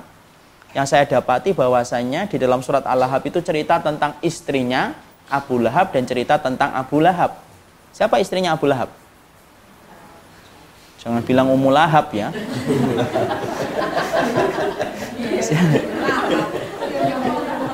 Kalau ada yang bilang Ummu Lahab, saya pulang ke Bekasi. Siapa istrinya? Siapa istrinya? Siapa istrinya? Saiful Bait, siapa istrinya Abu Lahab? Istrinya Abu Lahab itu Ummu Jamil. Ya, Ummu Jamil, ya. Cerita tentang itu. Jadi Masya Allah nanti kita bahas itu di Isra Al-Lahab itu. Jadi tidak ada masalah hutang, tidak ada. Jadi Masya Allah fatal banget, fatal sekali. Ibu bisa bayangkan, bapak bisa bayangkan dan bisa pikirkan kalau setiap orang kalau punya utang baca surat Al-Lahab, kemudian kusen pintunya rumah yang berutang sama dia diusap-usap itu. Insya Allah. Kita bayangkan itu nggak ditangkap security aja sudah alhamdulillah banget ini. Sudah bertumpuk-tumpuk, sudah hutangnya nggak dibayar-bayar.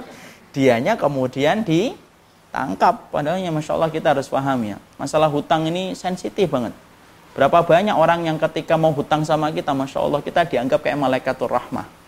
Tapi giliran bayar, Masya Allah, kita kayak malaikat maut itu. SMS tidak dijawab, hati-hati sama hutang. Karena hutang itu dimudahkan setan untuk kemudian mengatakan kepada diri kita, adalah hutang aja. Tapi ternyata setan datang kembali ketika kita akan membayar hutang. Makanya kenapa ya bayar hutang kok berat ya? Ya karena setan itu datang kembali sebagaimana dia datang ketika kita akan berhutang. Nah, sering kan kadang-kadang kalau kita tidak punya keimanan yang kuat terhadap sunnah, kadang-kadang kita ngomong udahlah hutang aja. Padahal kita paham ya, perkara halal. Perkara halal di mana Nabi sampai berlindung darinya itu masalah hu, hutang. Jadi perkara halal pula yang menghalangi surga itu apa? Hutang. Jadi perkara halal yang menghalangi surga, hutang. Perkara halal yang Nabi berlindung darinya, hutang. Bahkan sampai Nabi menyamakan antara kedudukan hutang dan menyamakan kedudukan orang yang berbuat dosa itu disamakan oleh Nabi dalam salah satu doanya. Allahumma inni a'udzubika minal ma'sami wal maghrami. Ya Allah, aku berlindung dari hutang dan aku berlindung dari dosa. Sampai salah satu istrinya berkata, "Ya Rasulullah, kenapa engkau selalu mengulang doa ini ya Rasulullah? Kenapa kok gini?" Maka Rasulullah kemudian menyampaikan, "Karena hutang itu akan menjadikan orang dusta dan dusta itu bagian dari dosa." Allah alam supaya kita terhindar dari masalah itu. Jadi kaidah yang kedua yang kita harus perhatikan memakai hadis itu harus betul-betul hadis yang sahih ketika kita bicara tentang masalah keutamaan su surat. Jadi perhatikan riwayatnya, perhatikan bagaimana perkataan para ulama tentang hadis itu, baru kita amalkan hadis itu dan baru kita kerjakan hadis itu. Ya. Sekarang baru kita kemudian nginjak kepada surat An-Nasnya. Surat An-Nas itu kemudian termasuk salah satu surat yang disebut dengan Al-Mu'awwidataini. Bersama dengan surat Al-Falaq. Dia merupakan surat Madaniyah. Nah, kita paham ya, surat Madaniyah itu adalah surat yang diturunkan setelah peristiwa turunnya, setelah peristiwa hijrahnya nah, Nabi. Itu disebut dengan surat Madaniyah. Nah, surat ini disebut dengan Al-Mu'awwidataini, yaitu adalah surat yang menjadi pelindung Surat yang menjadi pelindung, artinya membentengi. Surat yang menjadi pelindung diri itu namanya al-mu'awwidah. Karena dua, makanya disebut al-mu'awwidataini dalam bentuk musanna, dalam bentuk dua. Mungkin kita bertanya, Ustadz, Masya Allah ya, memang masih relevankah kita kemudian berlindung dari setan dan jin ketika kita melihat kecanggihan dan globalisasi zaman hari ini? Iyalah. Jawabannya iya, pasti. Tidak boleh kita mengingkari dan tidak boleh kita menafikannya sama sekali. Dan kita harus paham, salah satu fitnah yang tidak pernah luput dan tidak pernah hilang dalam setiap zaman ketika bumi masih berputar dalam rotasinya, itu fitnah sihir. Ya, itu kata Syekh Husaymin. Fitnah yang tidak pernah berhenti mengiringi perjalanan hidup manusia, mengiringi hidup perjalanan manusia ketika rotasi masih berputar, kecuali fitnah itu adalah fitnah sihir walaupun secanggih apa pun fitnah sihir itu memang betul-betul tidak bisa hilang karena selalu ada para wali-wali setan yang bertebaran di atas muka bumi untuk menghasung dari jalan Allah dan terkadang mereka menggunakan cara yang kasar yaitu adalah dengan setan. Setan itu ada. Kekuatan setan itu memang mampu untuk mendirikan keburukan dan mandurat sama diri kita? Iya. Memang betul kemudian bisa memisahkan suami istri? Iya. Memang mampu mempertemukan laki-laki dan perempuan yang asalnya membenci? Iya. Mampu menghancurkan usaha seseorang? Iya. Mana dalilnya Ustaz? Buka surat Al-Baqarah 102. Ya. Supaya kita harus mengenal kenapa kok disebut al-muawwidah.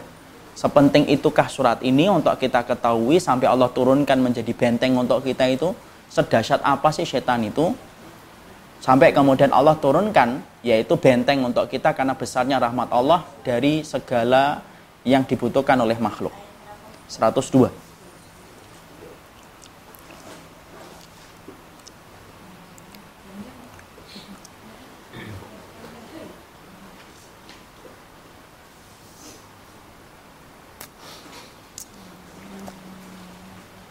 Sudah? Dibaca Bapak. Dan mereka mengikuti apa yang dibaca oleh setan-setan pada masa kerajaan Sulaiman.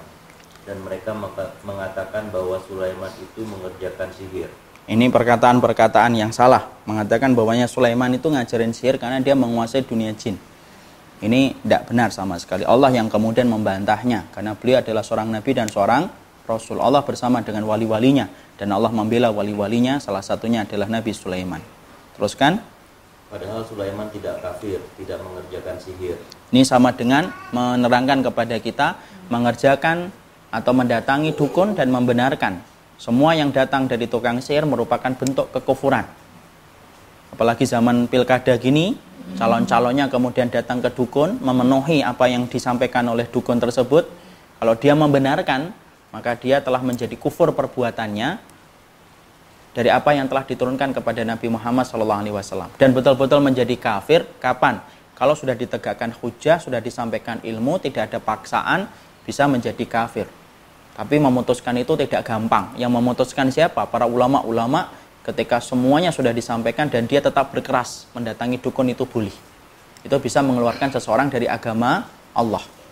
Karena apa? Sesungguhnya Islam ada pembatalnya sebagaimana wudhu ada pembatalnya, sebagaimana kemudian sholat ada pembatalnya, Islam pun ada pembatalnya. Cuma bukan berarti kemudian kita gampang mengkafirkan, yang bisa mengkafirkan adalah para ulama dengan standar kehati-hatian. Makanya ada sebuah kaedah pengkafiran, namanya doa bitu takfir. Doa bitu takfir itu apa? Kaedah di dalam mengkafirkan. Itu bisa dikerjakan oleh setiap orang? Ya tidak bisa lah baru hada hadihi mengkafirkan orang. Tidak bisa. Semua yang mengerjakan itu adalah ulama-ulama dan bukan kita. Ada nggak orang-orang yang gampang mengkafirkan? Ada. Ciri khasnya mereka adalah ciri khasnya orang khawarij. Orang khawarij itu cirinya dua. Gampang mengkafirkan, gampang menyesatkan. Setiap orang yang berbeda penafsirannya dengan penafsiran mereka. Salah satu dedengkot orang khawarij dalam tubuh umatnya Nabi itu siapa? Yaitu orang yang bernama Abdurrahman bin Muljam yang dulunya orang yang solih, kemudian beliau dia itu kemudian terpengaruh dengan salah satu wanita khawarij, kemudian akhirnya dia merencanakan pembunuhan kepada Ali bin Abi Thalib. Ali bin Abi Thalib sholat subuh dibunuh oleh kemudian Abdurrahman bin Muljam. Dan Abdurrahman bin Muljam berkeyakinan bahwasanya Ali telah kafir dari agama Allah. Insya Allah padahal Ali siapa? Menantunya Nabi. Padahal Ali suaminya Fatimah, salah satu wanita di surga. Padahal Ali orang yang pernah diberikan royah, pernah diberikan bendera oleh Nabi pada peristiwa Khaybar. Dan orang yang diberikan itu dikatakan Nabi dia dicintai oleh Allah dan dia mencintai Allah.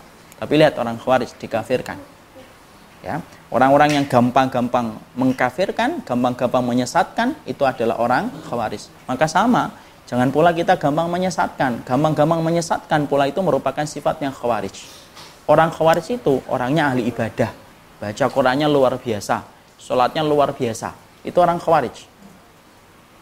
Ya, tapi sifatnya mereka dua, gampang mengkafirkan atau gampang menyesatkan. Jadi ada orang yang garis keras, garis lembut, tapi sifatnya sama. Dikit-dikit sesat, dikit-dikit sesat, dikit-dikit salah. Dikit-dikit kafir, dikit-dikit kafir. Ya, itu namanya kemudian yaitu adalah khawarij. Ada yang kemudian anti pengkafiran, namanya murjiah. Dia tidak mau mengkafirkan sama sekali. Jadi dia menolak adanya pengkafiran di dalam Islam namanya murjiah. Apa itu khawarij dan murjiah Ustaz? Ah ini panjang. Nanti pembahasan kita masih surat An-Nas ya. Tadi cerita apa kok ke situ ya? Ya sudah itu ya tadi ya. Jadi kemudian oh ya, orang yang datang ke dukun itu perbuatanku kufur. Kapan kita boleh datang ke dukun dan mendapatkan pahala? Ada yang tahu? Kapan kita datang ke dukun dan mendapatkan pahala?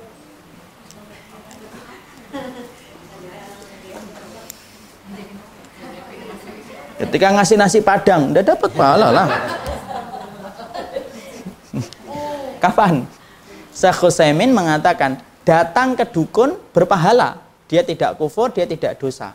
Kapan? Yaitu ketika kita datang kepadanya, lalu menyingkap kebatilan dia, dan menyingkap kebohongan dan kedustaan dia. Maka itu datangnya ke dukun berpahala besar di sisi Allah.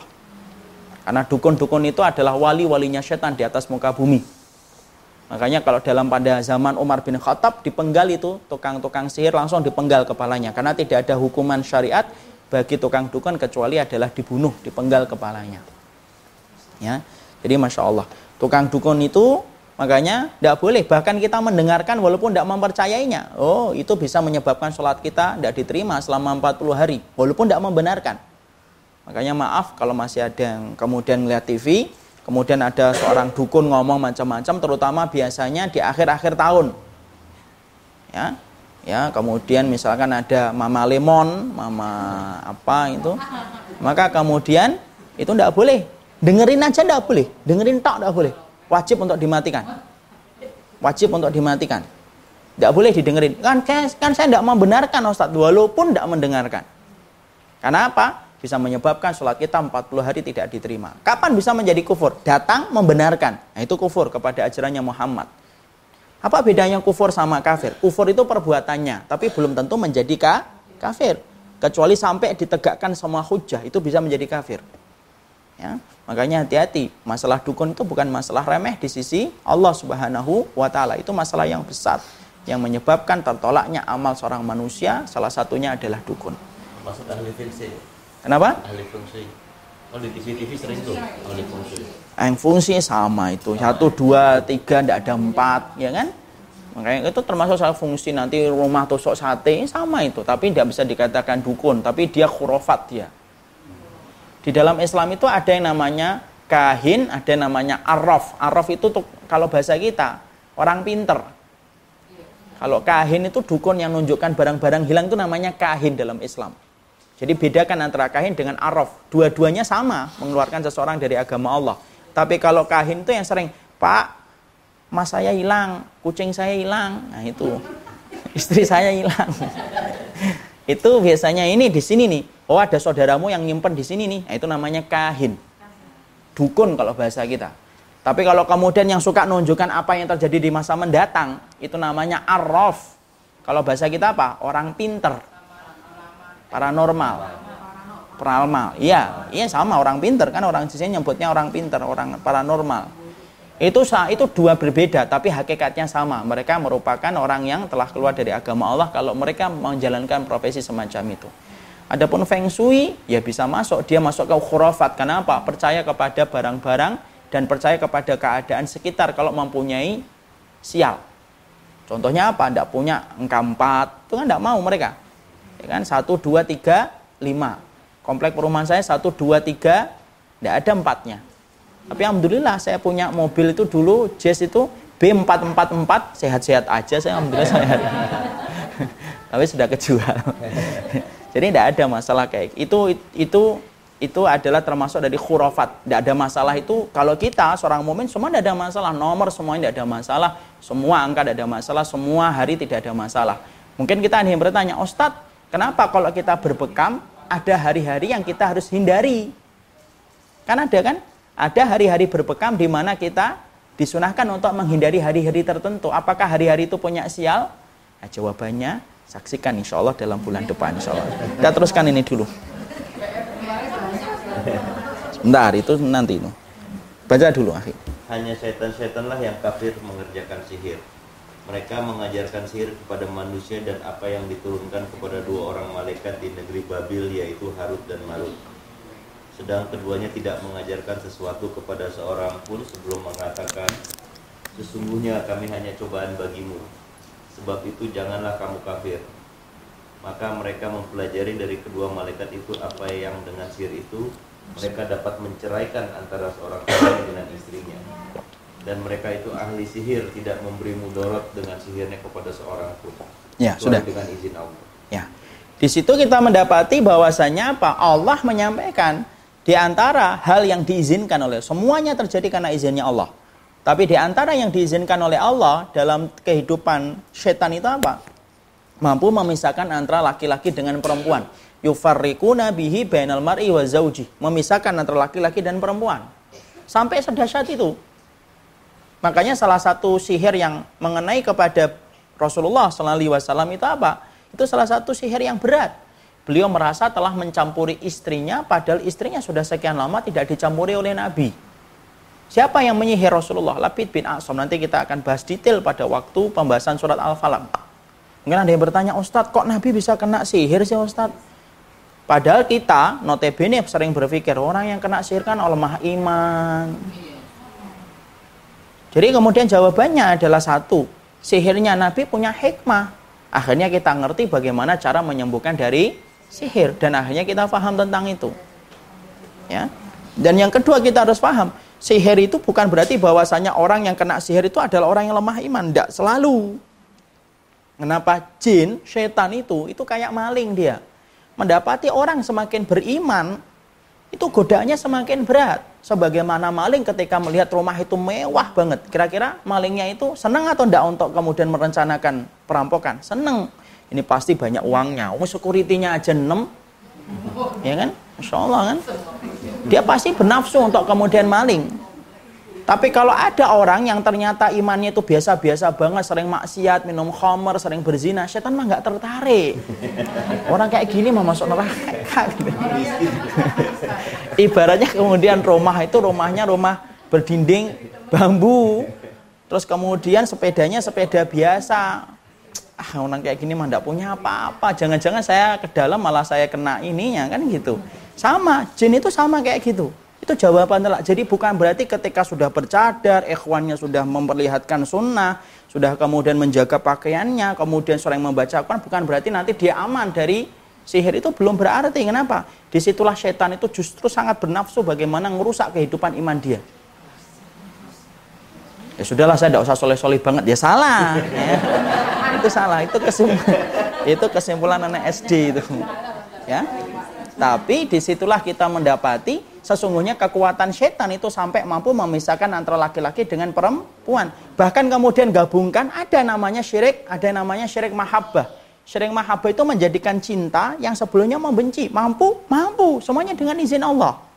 Makanya salah satu kejadian yang diceritakan salah satu ustadz yang biasa ngerukyah, karena tidak semua ustadz itu punya pengalaman dalam rukyah. Siapa salah satu ustadz yang nggak punya pengalaman rukyah? Saya, ya. Dan ustadz karena harus perlu ilmu. Dia cerita, beliau cerita sama saya, ada Ustadz, seorang akhwat, ummahat, dinikahi sampai 15 tahun, 20 tahun. Itu ternyata merupakan hasil sihir. Jadi kemudian istrinya suruh kerja banting tulang dari pagi sampai malam. Suaminya bawa perempuan ke rumah, ngamar. Itu istrinya tetap sabar saja. Dimaafin terus berkali-kali. Sampai akhirnya beliau ditakdirkan melihat bagaimana rukyah dan berusaha untuk merukyah dirinya sendiri. Ketika merukyah dirinya sendiri tidak kuat. Akhirnya minta bantuan kepada sang ustadz karena dia merasa panas kemudian lehernya kencang. Kemudian ketika dirukyah akhirnya keluarlah jinnya itu. Dan ternyata jin itu adalah bagian dari strateginya sang suami. Jadi ketika sampai dirukyah berkali-kali kemudian beliau tersadarkan dan beliau betul-betul Masya Allah kaget mendapati semuanya tidak sebagaimana yang dia pernah pikirkan dulu sampai bertahun-tahun. Anak itu sampai tidak percaya. Sampai 15 tahun Ustaz. Sampai 15 tahun Ustaz. Dan itu terjadi. Dan itu terjadi. Ya, jadi kalau kita sering lihat peristiwa rukyah orang muntah-muntah itu nggak dibuat-buat pada dasarnya. Memang betul-betul ada. Ya, sampai nanti suaranya beda dengan suara aslinya. Ya kan? Berdasarkan jinnya, kalau jinnya orang Jawa, ya orang Gunung Kawi biasanya. Gunung Kawi itu banyak kalau di pondok saya itu dulu banyak santri yang kena. Itu nanti dia ngomong dengan suara yang beda dengan suara asli santrinya. Ternyata dari Gunung Kawi, kemudian dia ngomong Jawa, dia kemudian dalang karena dia itu memang suka dalang jinnya, suka kemudian wayang, beda-beda. Dan itu betul-betul ada dan itu bukan sesuatu yang sifatnya dari bimbingan sunnah. Tidak, itu sesuai dengan bimbingan sunnah ketika merukyah. Makanya rukyah itu ada dua, rukyah syirkiyah dan rukyah syar'iyah. Rukyah itu ada dua, rukyah yang syar'i dan rukyah yang syirik. Itu bedanya apa Ustaz? Nanti kita bahas insya Allah.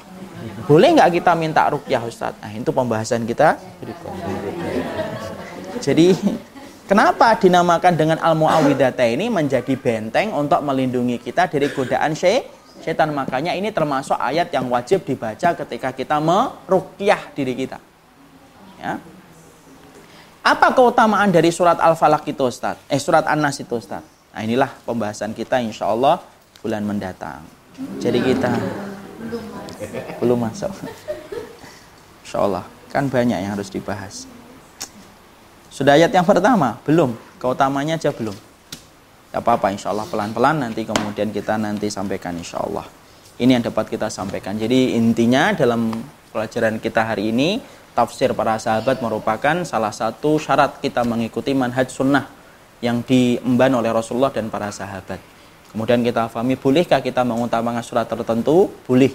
Kita boleh mengutamakan surat tertentu di atas surat yang lainnya. Dan ingat tidak semua surat itu memiliki keutamaan. Hati-hati banyak bertebaran hadis-hadis palsu yang berkaitan tentang surat-surat tertentu. Kemudian kita juga harus paham, kita juga harus mengerti bahwasanya kenapa dinamakan al-muawwidata ini dia benteng. Benteng dari apa? Dari gangguan setan. Sampai sebesar apa setan itu mengganggu kita bahkan bisa memisahkan antara laki-laki dengan perempuan. Lebih jelasnya tentang masalah itu kita bahas bulan depan kita bahas cara merukyah bagaimana fungsinya daun bidara itu memang betul-betul ada atau tidak. Bagaimana merukyah yang sunnah itu bagaimana. Karena tidak semua kata rukyah itu betul-betul sunnah. Karena hari ini kata rukyah pun dipakai sama dukun. Ya, Coba kalau tidak percaya, lihat aja di pos kota. Di situ biasanya iklan di belakang itu loh, melayani rukyah. Kemudian bawahnya pelet, pengasihan, dan dia nama pakai rukyah. Itu ada. Makanya Masya Allah, kita nanti harus paham, kita harus belajar rukyah itu kayak apa. Jadi kita lebih mempelajari itu nanti di surat Al-Falaq sebenarnya.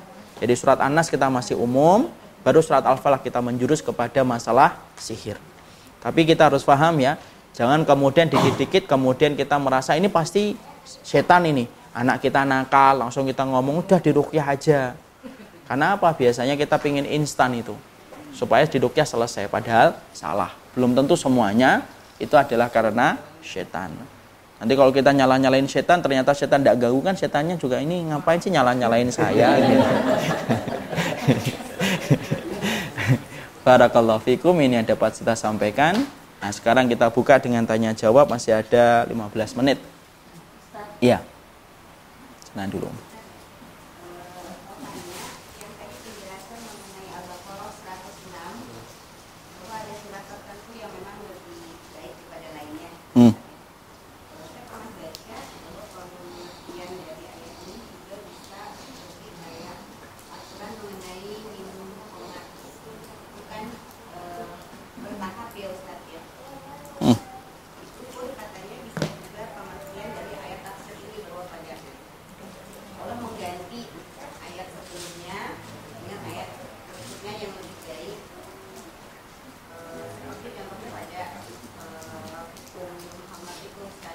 Minum khamar nggak pernah diganti. Minum khamar itu diturunkan secara tadaruj, secara pelan-pelan, bertahap.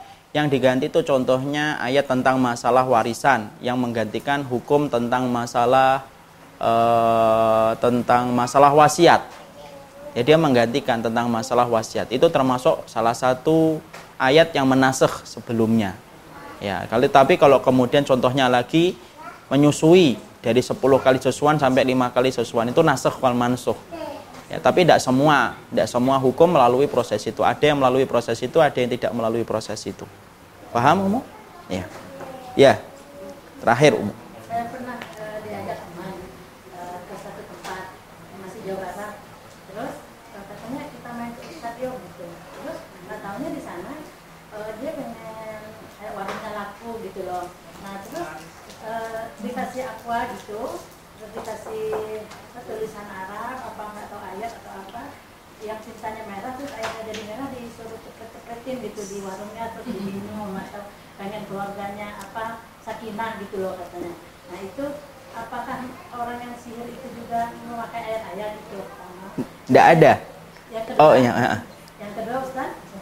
Saya punya teman pengen umroh. Terus tapi dia uh, kan kalau perempuan harus ada apa umroh kan iya. Nah umurnya udah 52 tahun terus ada peraturan dari Arab katanya bahwa uh, uh, boleh yang di atas 45 tahun tanpa mahram atau betul atau tidak? Peraturannya ada, tetapi yang kita ikuti kan sunnahnya Rasulullah Wasallam. Sunnah itu memiliki kedudukan paling tinggi yang tidak bisa digantikan dengan konstitusi apa pun. Konstitusi apa pun. Jelas bahwasannya perintahnya ayo ma imra'atin uh, la tahilu li imra'atin tu'minu billahi wal yaumil akhir illa antusafira illa wa ma'hadhi mahramin. Tidak sah salat, tidak sah seorang wanita yang beriman kepada Allah dan hari akhir kecuali ketika dia safar lebih dari tiga hari kecuali harus disertai dengan mahramnya. Jadi walaupun kemudian negeri Saudi memperbolehkan tanpa mahram, tapi kalau kita mengikuti sunnahnya Rasulullah maka tetap bersama dengan mahramnya itu lebih utama di sisi Allah Subhanahu Wa Taala. Walaupun itu tua, berarti dia belum diberikan kemampuan. Karena syaratnya kemampuan adalah bukan hanya harta, bukan hanya sehat. Syaratnya kemampuan salah satunya disertai dengan mahram. Beribadah haji ataupun umrah itu beribadah sesuai dengan sunnah. Bukan untuk melampiaskan keinginan kita ibu.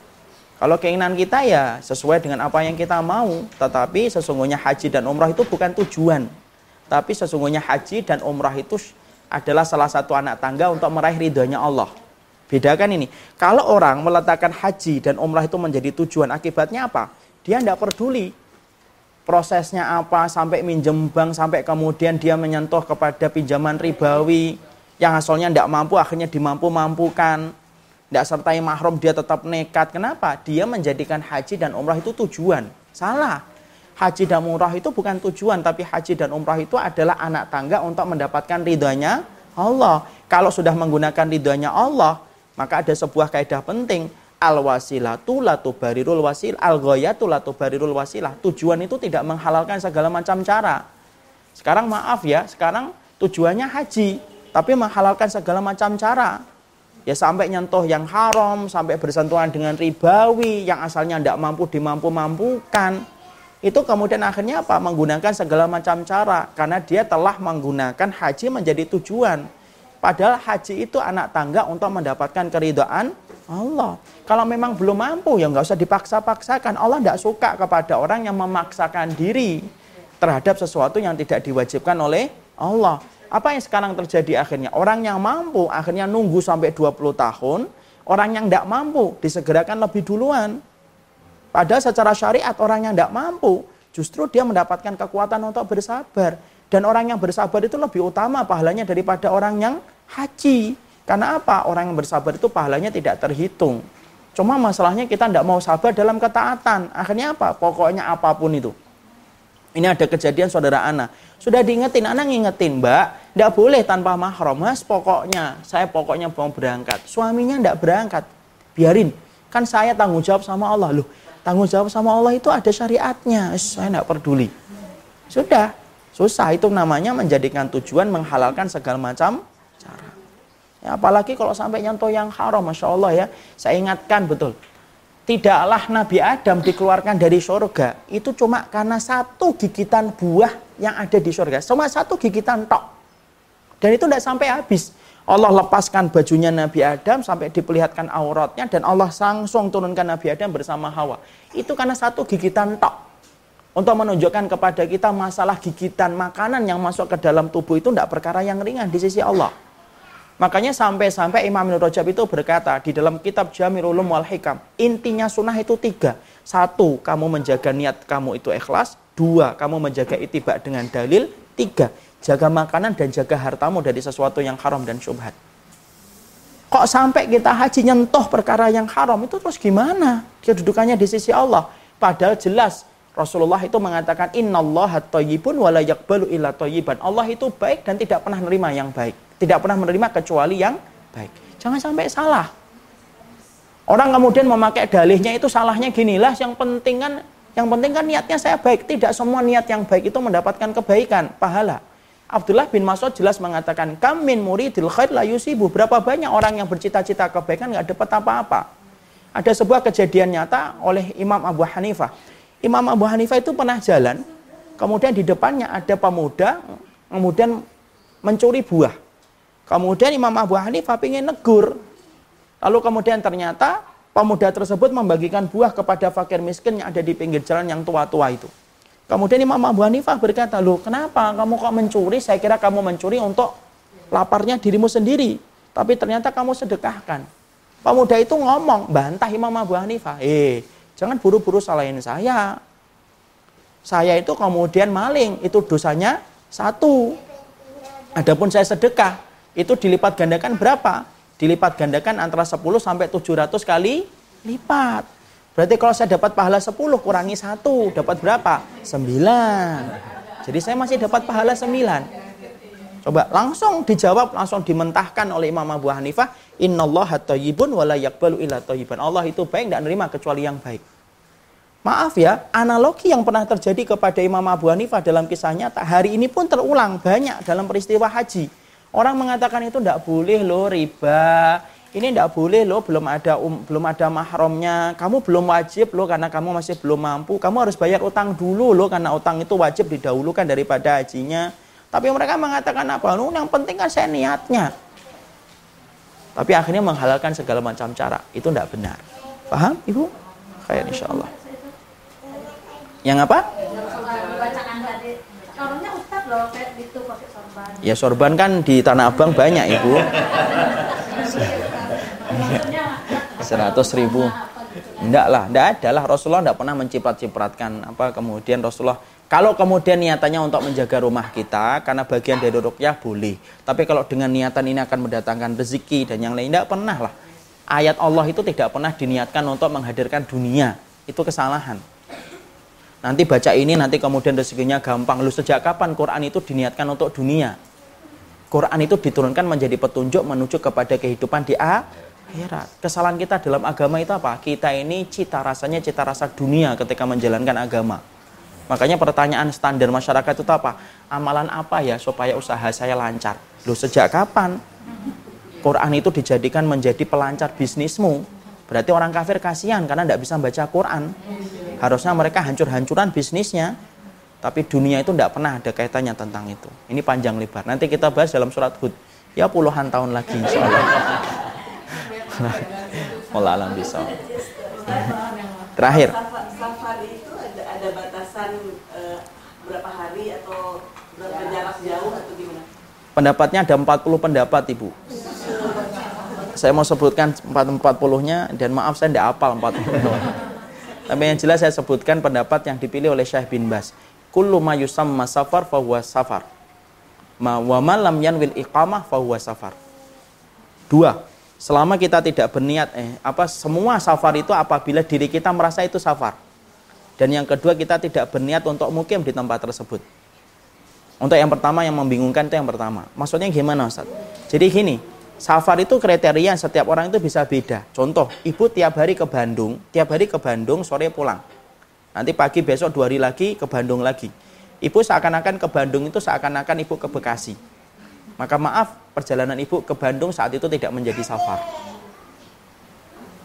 Tapi kalau kemudian ada orang jarang ke Bandung, contohnya saya, jarang ke Bandung. Tiba-tiba saya ke Bandung, dan ketika saya disebut mau ke Bandung, saya persiapkan handphone, cas saya persiapkan, dompet saya persiapkan, ada persiapan khusus yang saya hadirkan, maka itulah namanya safar. Makanya setiap orang bisa beda. Contoh saya punya adik kelas dulu di Fakultas Syariah, dia itu kemudian datang dari pintu tol, namanya itu pintu tol apa itu namanya? Bukan, yang paling ujung dulu sebelum ada Cipali itu apa? Cikampek. Dia tiap hari berangkat jam 3 sebelum subuh dia berangkat. Sampai kemudian ke Fakultas Syariah itu jam 7 tepat on time tapi dia melakukan tiap hari maka hal semacam itu tidak bisa disebut safar tapi bagi orang Cikampek yang jarang ke Jakarta sekalinya ke Jakarta dia butuh persiapan dia setidaknya mempersiapkan dompet mobilnya diperiksa ya itu dia dinamakan safar kemudian safar itu berapa hari Ustadz nah itu para ulama juga berbedanya panjang tapi saya mengambil pendapatnya beliau selama kita tidak niat mukim maka kita menjadi musafir bisa dua hari, bisa tiga hari, bisa empat hari, bisa lima hari, bisa sepuluh hari. Makanya kemudian disebutkan oleh Imam Sunani dalam Subulu Salam, Babus Safar, bahwasanya Ibnu Umar pernah tinggal di Azerbaijan selama enam bulan. Dan selama itu dia menganggap tinggalnya di Azerbaijan itu safar. Tapi ala kulihal ini khilaf yang panjang, kita tidak bisa menyalahkan dengan gampang apabila ada yang berbeda dengan pendapatnya kita. Allah alam bisawab. Kalau Imam Syafi'i 83 kilo, Ya, kalau kemudian Imam Abu Hanifah menetapkannya berapa hari? 9 hari. Karena peristiwa Tabuk beda-beda dalilnya masing-masing panjang. Paham Ibu? Tapi jadi kaitannya dengan uh, kita uh, apa sih? Rusuh sholat yang dari Allah itu ya? Ya, rusuh sholat saya mengambil pendapatnya dari Syekh Soleh Munajid. Hafidhahullah Ta'ala. Beliau mengatakan safar itu dua sifatnya. Ada sifar sa musafir sair, ada musafir nazil. Musafir sair itu ketika ibu ke Bandung, belum sampai di Bandung. Itu namanya musafirun sair. Maka lebih baik untuk mengambil rukshohnya sholat. Musafir sair. Kenapa? Belum sampai ke Bandung. Ya, itu namanya musafir sairun. Lebih baik mengambil rukshoh. Kenapa? Allah senang diambil rukshohnya ketika ngasih rukshoh itu kepada hamba. Tapi kalau sudah sampai namanya musafir nazil. Musafir yang sudah sampai ke tempat tujuan. Maka disunahkan maka lebih baik bagi mereka menyempurnakan sholat bersama dengan ahlul mukim di tempat itu. Tapi dia boleh nggak untuk menjamak sholat? Boleh. Kalau misalkan, nah saya menjamak aja lah, nggak apa-apa. Tapi lebih utama bagi dia untuk menjamaknya. Eh lebih utama bagi dia bersama masyarakat umumnya. Itu kalau sudah mukim, eh, sudah musafir najah, sudah sampai ke tempat tujuan. Tapi kalau dia ingin menjamak, ya nggak apa-apa. Misalkan capek ah, eh, menjamak boleh dan menjamak itu, jamak sholat itu ada beberapa sebab. Dalam kitab Al-Wajih disebutkan, satu, jamak karena hujan, dua, jamak karena sakit, tiga, bahkan kita boleh menjamak sholat tanpa sebab. Kadang-kadang kita tanpa sebab ingin menjamak boleh atau tidak? Boleh. Tapi saya ingatkan loh ya, ini jangan dijadikan menjadi Alhamdulillah inilah yang saya pegang. Panjang lebar kajian hanya ini yang diingat. Jadi jadi kemudian boleh kapan kita boleh menjamak sholat tanpa sebab? Boleh kita menjamak sholat tanpa sebab selama itu tidak dijadikan kebiasaan. Satu waktu kita lagi jalan, dua lama kita tidak menjamak sholat. Kita ngomong sama istri kita, yuk kita jamak, yuk. Sudah lama kita nggak menjamak tanpa sebab. Boleh. Tapi jangan dijadikan checklist. Bulan ini sudah berapa kali ya? Boleh. Itu kemudian disebutkan oleh Abdul Badawi Al-Khalafi dalam kitabnya Al-Wajiz fi Fiqh Kitab wa Sunnah. Tapi saya ingatkan, itu hanya sesekali saja. Jadi saya jalan nih sama ikhwan yang sering dampingin saya. Yuk kita jamak yuk, lah lama kita tidak menjamak, boleh. Tapi terutama tidak boleh direncana, tidak boleh dirutinkan, tapi itu betul-betul insidentil. Karena Nabi pernah menjamak duhur asar, maghrib isya, beliau tidak safar, beliau tidak sholat, beliau tidak hujan saat itu, beliau tidak sakit, tapi beliau menjamaknya. Dan itulah yang dijadikan alasan dalil oleh sebagian para ulama boleh menjamak tanpa sebab. Kalau kosornya gimana? Kosor gimana ibu? Ya disingkat itu. Ya dua dua, kecuali maghrib. Maghrib tidak boleh dikosor. Kalau dikosor satu setengah, jadi tidak boleh dikosor.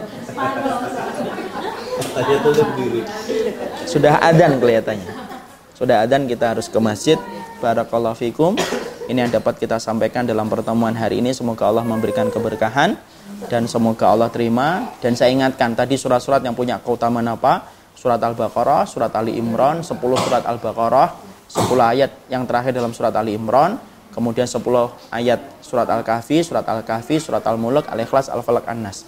Saya ingatkan, minimal jangan jadikan rumah kita layaknya kubur. Kasihan anak-anak kita kalau hidupnya hanya di kuburan saja.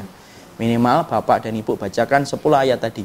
Empat ayat yang pertama, ayat kursi, dua ayat setelah ayat kursi, tiga ayat yang terakhir, sebagaimana yang disampaikan oleh Abdullah bin Mas'ud dalam riwayat yang sahih, oleh Imam Ibnu Katsir rahimahullah taala. Saya kira cukup ini yang dapat kita sampaikan. Kita akan lanjutkan pertemuan kita, kajian kita insya Allah dalam bulan mendatang. Kalau tidak ada udur. Subhanakallahumma wa bihamdika. Asyhadu an la ilaha illa anta astaghfiruka wa atubu ilaika. Assalamualaikum warahmatullahi wabarakatuh.